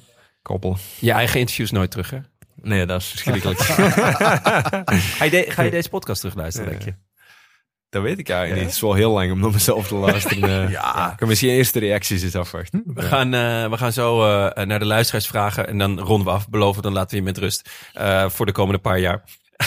Eh, maar eerst nog even een woord Eh, van ons. Sterke, sterke belofte. Een paar jaar. Oh, een paar jaar is twee, hè? Ja, twee max. Twee max. Eh, nog een sponsor. Een favoriet van ons, mogen we wel zeggen. Ik neem aan dat je hem aan hebt, Frank. Ja. Een Bamigo. Eh, nee, ik heb hem niet aan. Je hebt hem niet aan. Je hebt helemaal geen boxshort aan. Nee, het Ik is schrik gewoon, hiervan. nee, zodra, als ik naar België ga, dan denk ik, dan wil ik gewoon zo luchtig mogelijk. Maar dan had ik in principe prima Bamigo aan kunnen trekken, Hoe- want dat is heel luchtig. Dat is zeker heel lucht. Hoe noemen ze het als je geen boxershort aan hebt in België? Is daar een eh, term voor? Free Willy. Free Willy. Die vind ik heel goed. Ja, we weet- worden echt verbeterd eh, in de taal. Hoor. We Ja, komen zeker. echt met schitterende Ik uitdrukkingen. weet, mijn, nou, eh, mijn oude baas, maar die kwam uit Enschede, geloof ik. Die zei altijd los in het holster. Los in het holster. Ja, los in het. Maar goed, dat hoeft dus niet als je gewoon lekker een Bamigootje koopt. Het kledingmerk van de toekomst, gemaakt van, Ja, van bamboe natuurlijk. uiteraard, heerlijk zachte stof, absorberend en ademend. Wout, wat wil, wat wil, een, wat wil een wielrenner nog meer? Een koersbroek van Bamigo. Ja, ik zou- wou zeggen een koersbroek. Dat Ja? is misschien handig. Oh, maar dat ik is- zit met een prangende vraag. Hoe, Ja. Een wielerpodcast en dan komt er op een gegeven moment een boxershort merk Ja. die wil sponsoren. Dan vraag ik me af hoe dat dan eh, dat Oeh, in zijn werk gaat. Daarvoor kijk ik even naar Maaike. Ja. Maaike, hoe, eh, hoe gaat dit in zijn werk? Ze verkopen natuurlijk veel mannenkleding. Ze hebben alle essentials voor mannen. En naar ons luisteren toch voornamelijk mannen. Ja, Ik snap het het. is gewoon een goede doelgroep. Ja. Dat- En, en ook wel wat vrouwen die mannen kennen, dus die kunnen dat dan cadeau geven. Ja, Ja. en eh, nou, het zijn trouwens niet alleen boxshorts. Hè. Het is ook gewoon heerlijke t-shirts. Het is allemaal, het is allemaal gewoon genieten. En allemaal, allemaal bamboe, jongen. Eh, gebruik de code LANTAARN20, hoofdletters, voor 20% kennismakingkorting op de eerste bestelling. Speciaal voor de luisteraars van de Roland Taarn. Ga naar bamigo.com. Er komen wat bestellingen uit je België mag, aan, je mag nu gelijk je telefoon pakken, hè, Wout. Is geen Ja. enkel probleem. Kan je gelijk eventjes eh, even bestellen. Ehm, we hebben wat, eh, wat algemene vragen en nog wat luisteraarsvragen. Eén, is er een WhatsApp groepje? En zo ja, wie zit er erin? Eh, ik denk dat ik weet op welk WhatsApp groepje hij doelt. Ja. Eh, het bestaat niet. Bestaat niet. Dat Nee. zou wel vet zijn hoor. Kun Gewoon je dat jij, niet gewoon aanmaken? jij Pogi en Mathieu. Ja. En En dan- moet ik jou toevoegen dat je als moderator mee kan. eh, Ah, dat zou goed zijn. Dat ik af en toe gooi ik, zo, gooi ik Ja. even de knuppel in het hoenderhok. Ja. Eigenlijk kunnen ook eh, renners uitgooien, toch? Pitcock mag een paar maanden mee, die moet er dan weer uit. Ja, die moet er dan weer uit. Hetzelfde gaat voor Alain Philippe. Ja. Die mag alleen voor feest en partijen erin. Ja, En, als ik komt zingen. Ehm, even kijken, welke eh, zullen we eens doen? Frank, had jij er al eentje gespot? Ja, nou ja, ik ben natuurlijk ook wel eh, onder de... eh, ja, ik wil heel graag weten wie de vijanden in, je, in het peloton zijn. Ja, Een vijand mag je breed nemen natuurlijk. Vijand klinkt heel hard. Maar ook gewoon renners waar je het niet zo op hebt. Of waar je eigenlijk niet zo goed contact... of helemaal geen contact mee kunt krijgen. Ah, ik Van heb- Hooydonk noemde al iemand. Ik heb eigenlijk iets tegen alle Col- Colombianen. Behalve Quintana, die vind ik heel leuk. Rigoberto Urán, als je dit hoort. Ja. het was allemaal gespeeld. ah, ik heb ook de special met Nathan eh, geluisterd. Dus, ja, eh, ja, die zei dat jij het zou beamen. Maar dat beaam je dus niet. Je Nee, vindt nee, dat is lachen. grootste fan eigenlijk. Om Ja. te lachen. Ja. Ja. ja, ik heb ergens... Het is een balans tussen dat ik, eh, dat ik hem irritant vind... en anderzijds heb ik wel heel veel respect voor, moet ik zeggen. Want ja, waarom vind je iemand irritant? Omdat hij op belangrijke momenten in de weg kan fietsen. Hè? Ja. Dus Ja, eh, ja, ja. Quintana is bijvoorbeeld irritant omdat hij dan in de eerste wire zit. Ja, ja, en ja. Een klein manneke dat er dan tussen wringt om in die eerste wire te zitten. Maar eigenlijk heb ik ook wel een soort van respect van, ja, hij zit er toch maar. Hè? Er zijn heel veel van die klimmers die, eh, die, dat gewoon niet lopen. kunnen, omdat Nee. ze zo, zo licht zijn. En, eh, dus dat vind ik dan eigenlijk langs de ene kant wel knap, maar dat maakt niet minder, eh, ja, iets minder irritant zijn zou wel welkom zijn. Hij komt weer terug, hè? ja, hij komt terug. Bompa. Nairo Ja. op zijn 51ste. Dat is toch ongelooflijk? Ja, maar hij wordt steeds jonger. ja, ja. Dus dat, eh, Benjamin Button. Maar kennen we Eh, zijn echte geboortedatum al? Oh, nee, ja, misschien heb jij die in Colombia opgepikt. dat zou lekker zijn. Eh, dat, zou le- dat zou nou een leuke prijs zijn voor de Tour de Rigo. Dat, eh, dat je aan de finish komt als eerste en dat jij dan als enige de echte geboortedatum van Quintana weet. Ehm, van Hooydonk kwam al even te sprake. Ik hoorde dat je een, eh, iets, iets heel moois had gezegd. Dat hoef je niet te herhalen, mag wel. Maar wat, wat, wat ga je het meest missen aan, eh aan Nathan van Hooydonk? In de ploeg. Ja, zeker eh, zijn, zijn instelling. Zo, ja, zowel om, om hem te trainen als naar de koers te trekken was iemand die zich altijd 100% smeet en waar we allemaal moraal van krijgen. Ehm, ja, ik zeg, ik heb nu al, ja, zeker sinds wat er gebeurd is, heb ik natuurlijk al meerdere, meerdere keer die vraag gehad. En eh, ik heb al een paar keer gezegd, eh, hij was volgens mij professioneler dan ik zelf ben. En dat hij gewoon echt met alle details zo kon bezig zijn. Daar ik zoveel respect voor. En ook, ja, dat werkte wel ook eh, motiverend om zelf ook alles een tikkeltje beter te doen. Dus eh, ja, dat, dat ga ik missen, dat dat gaat wegvallen. En ja, dat in de eerste plaats. En in de tweede plaats natuurlijk zijn, zijn fysieke capaciteit. En, ja, als wij ergens vooraan moesten zitten, dan wisten we dat eh, Nathan dat ging regelen. En dan hoefden we ons daar eigenlijk niet veel zorgen over te maken. Dan ging dat gewoon zo gebeuren. Ehm, en dat kan niet iedereen, dus eh, dat gaan we zeker missen in de ploeg. Zijn vriend in het peloton? Voor mij wel. Ja? ja. Heb, je, heb, zijn, heb je meer vrienden in het peloton of meer zijn je echte vrienden buiten het wielrennen? Mm, ik moet zeggen dat je ja, door het, het uh, wielerbestaan wel het moeilijker is om heel veel vrienden buiten het peloton Ja? te hebben, denk ik. Ja, Om het te onderhouden. ja, we moeten er toch wel tijd in steken. Ik, Ja. ik heb ze wel, maar om, om nu te zeggen dat er zoveel meer zijn dan in het peloton, dat denk ik niet. Ondertussen ja, is zo'n groot deel van ons leven is, eh, samen op pad zijn met andere gasten, dat je ook wel heel veel vrienden in de koers hebt gekregen. Dus ja, ja wat, prima is. Ja. Ja, ja. Ander, eh, nog een andere vriend die, die, eh, die in je ploeg of buiten je ploeg, waar, je- waarvan je denkt, als die, als ik daarmee in de kopgroep zit, dan, eh, dan zijn we automatisch een verbond. Eh, Eh, ook als we geen ploegmaat zijn. die nu in het huidige peloton. Ja? Ehm, ja, ik denk dat... Ja, Yves Lampaard is ook een goede vriend van mij, denk ik. Ehm, ja, dat is misschien nog steeds moeilijk om automatisch een verbond te zijn als je in Ja. verschillende ploegen zit. Ja. Ehm, Als je hem Ja, spreekt, kan je dan vragen of hij een keer tegen me wil padellen? ja. Misschien luistert hij wel. Het dus, schijnt, eh, het schijnt dat hij, eh, dat hij een eigen padelbaan heeft. En Ja. eh, nou ja, Dat klopt. ik denk dat ik hem heel makkelijk pak. Hij, eh, hij twijfelde om vriend van de show te worden of een padelbaan te kopen. En dan dacht hij, dan doe ik toch maar een slimme investering. Dus, eh, Over slim gesproken. eh, we hebben een vraag van Paling. En het is een audio, maar eh, ik, eigenlijk de bottomline is redelijk short. Ehm, moet Wout niet eens meedoen aan de slimste mens België? En kan je mij dan meenemen? ik moet dus niks. Ja, nou ja. Eh, Zo'n grappige vraag. Ik heb uh, er zijn al twee keer de vraag gekregen of ik wou meedoen. Ja. Maar ehm, ja, Erik heeft je gebeld. om- eh, een berichtje gestuurd, denk ik. Ja? Misschien wel eens gebeld, dat weet ik eigenlijk niet. Ehm, ik zeg altijd dollend, ja, ik ga natuurlijk vanuit dat ik gelijk tien afleveringen in de show zit. En dan, ja, dat is natuurlijk wel iets te veel met mijn kan toch trainingsschema. Dus, Ja, ja. dus daarom haak ik eigenlijk af. ja. Ah, ja. Ah, Nee, nee, ik, eh, ja, het is misschien toch wel te ver uit mijn comfortzone of zo. Dus, Jij zou het eh, spannend vinden? Ja, ik zou het wel spannend vinden, ja. Ah joh, stelt niks voor. Ja. ja, Frank is in de Nederlandse editie is hij tweede geworden. Oh ja? Ja. Nice. Hij- ja, nice. Ja. Wat Hij- stelt het uit? Uiteindelijk ging hij, ging hij eruit omdat hij niet wist wat burlen was. Weet jij dat? Burlen. Burlen. Burlen. Ja. Nee. Oei, ik zou er nog eens over nadenken. hoor. Dat is het geluid wat een hert maakt. En, eh, Als het bronstig is. Als het bronstig is. Ehm, Het is een trauma. Ja. En nog een vraag. In het gesprek met Sepp van Marken hadden Sepp, Jonne en Bram de E3-prijs van 2011 aan. En het bekende kramp-tankink moment.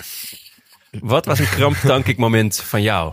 Oftewel een koers waar je super was, maar door kramp of pech of, nou ja, eh, dat, ja dat het daardoor misging.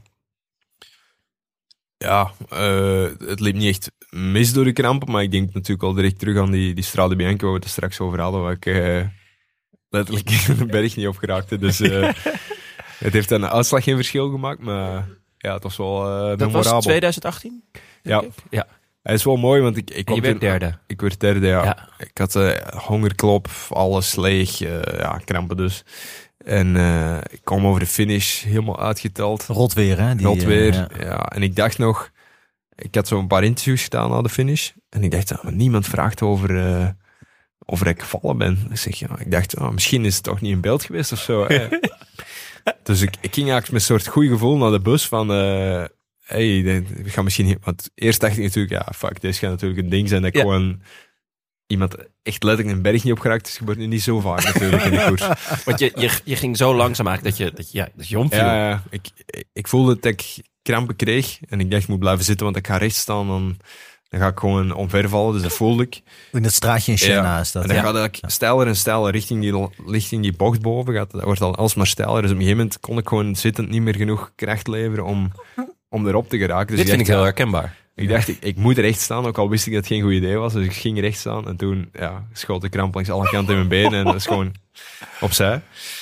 Ehm, maar ik ging dus naar de bus met een beetje geruststellend gevoel van, ah, daar is eigenlijk weinig over te doen geweest. Het komt misschien mooi weg.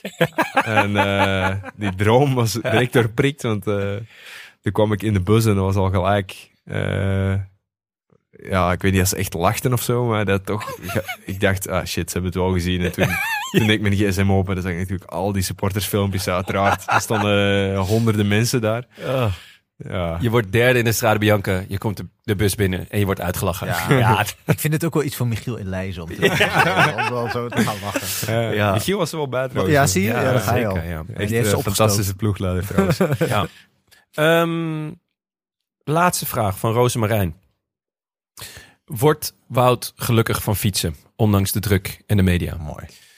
Ja, gelukkig wel. Dat is een heel mooie vraag. Ehm, ja, blijft voor mij iets, eh, iets dat me rustig maakt en eh, dat me helpt mijn gedachten op, mijn rij te, op een rijtje te krijgen.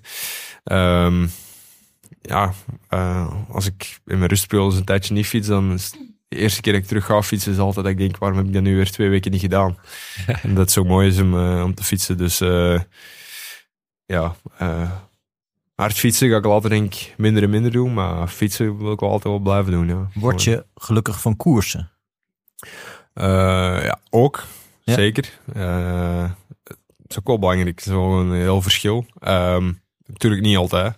Het is ook wel soms gewoon een job en soms eh, dan, dan zie je er niet altijd al het positieve ervan. Hmm. Maar ja, ik merk wel dat de adrenaline die je krijgt door de koers, dat ik dat wel snel mis. Dus aan het begin van de winter bijvoorbeeld, dan denk je al snel van, eh, oh, eindelijk rust Ja, en ja, eh, ja. geen druk meer. Ja. En nu begint toch al te denken van, ah, het is toch al lang geleden koers en dan begint toch al terug, ja, geleden maand later bij gelost heb, spreken. Ja. Een maand later begin je toch weer al te denken, ja, het is toch wel vet die spanning en zo. En, eh, en meten met iemand anders en alles. En, en, en op pad staan. En, ja, dus. Ja. eh, Je bent ja, er niet op uitgekeken. Nee, gelukkig niet. Gelukkig niet. Mooi, Eh, mooie afsluiter. Ehm, last but not least, vond je het leuk om, eh, om bij ons, eh, nou ja, toch wel de grootste wielershow ter wereld Ja, te gast te zijn? minstens. Heel leuk, heel leuk. Het was eh, ja, de- twee uur zijn denk ik. Ja, de-. Makkelijk. Twee uur negen zitten we op, dus eh, dat is heel schappelijk. Tot slot hebben we nog een, een kleinigheidje voor je. Letterlijk, Oh, een kleinigheidje. Dank u. Eh, want, eh, nou ja, goed, je bent vanaf nu vriend van de show. Ja. Eh, Er komen en ook bepaalde verplichtingen bij. Daar komen, daar komen bepaalde verplichtingen bij. Dus eh, zometeen nog handtekeningssessie en eh, nog wat filmpjes opnemen en, eh, en dergelijke. Dus eh, ik hoop dat je nog een uurtje of zo hebt. Dan, eh, kijk, daar is die.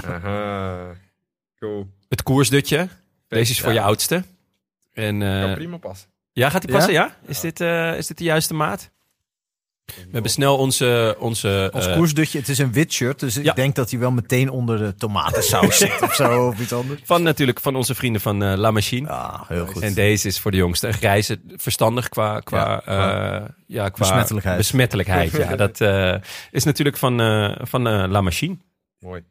Ehm, dat was het voor vandaag. Bedankt aan onze vrienden van de show. En een warm welkom aan de nieuwe vrienden en verlengers. Nieuwe vrienden natuurlijk, Wout van Aert. Ja, Wout van Aert, heel leuk.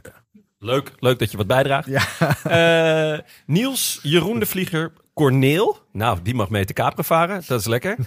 Eh, Erik Dol, Rick de Jong, Peter Jack, Jeff, Jeff en Poekie. Poekie. Ja, dat is waarschijnlijk iemands kat. Ja.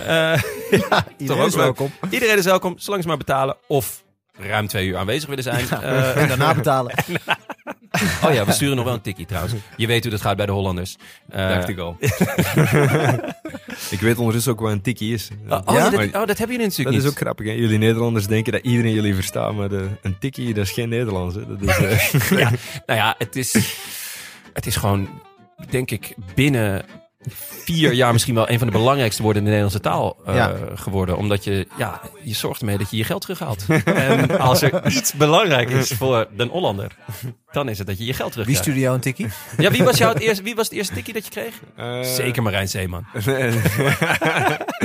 ja, ik weet wel dat, eh, dat het heel snel was. Dat ik dacht van, tikkie, waar hebben die gasten het over? Ik heb ook wel eens moeten vragen. Ja? Ja? Ik kan me niet herinneren hoeveel eh, tikkies dat ik al heb gehad. Nee. Ja. eh, in België hebben jullie geen tikjes, want jullie betalen gewoon nooit terug. Of, Ja, we hoe doen wel werkt zo zoiets? eens een, ja, wij doen meer een pot uitleggen of zo. Ah, ja. Dus, ja. eh, allemaal 5 euro in de pot en dan eh, dan stoppen ze opnieuw 5 euro in de pot. Dat is ook niet veel. Nee, Maar maar dat echt is losgaan. ja, ik, Kan je allemaal één kopje thee? Waar. Ja. Ik zeg nu 5 euro, maar ja, ja, nee. snap het. hangt van de Menigvuldig het zelf maar. Eh, wil je ons ook steunen? Dat kan gewoon. Dat kan gewoon. Eh, of een berichtje sturen, websurfsite dan naar derolantaarnpodcast.nl. Bij deze ook veel dank aan onze sponsors. Nederlands Loterij, Fiets van de Show Ridley.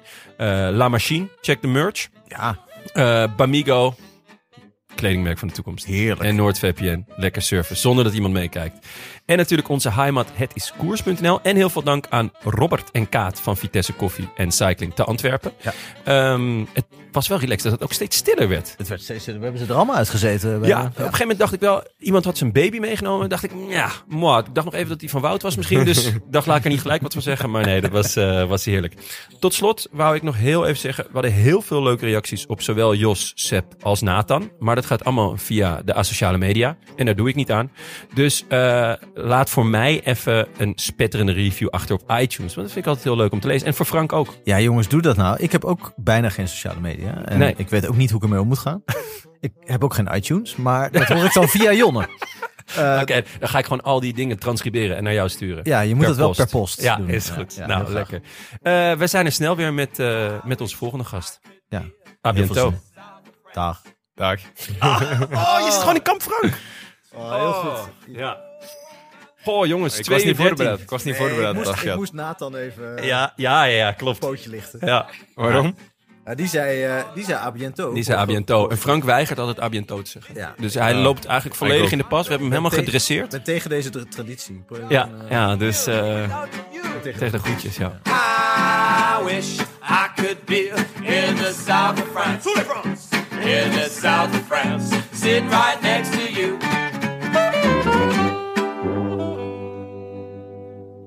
Alles goed met je vrouw? Ja, ja, het is eh, goed. Ja, het dat is, wou ik eh, eigenlijk ook vragen. Ja. Ja, het moet weer van Wout van Aert komen. nee, maar het is... eh, nee, het gaat goed. Het is, het is gewoon...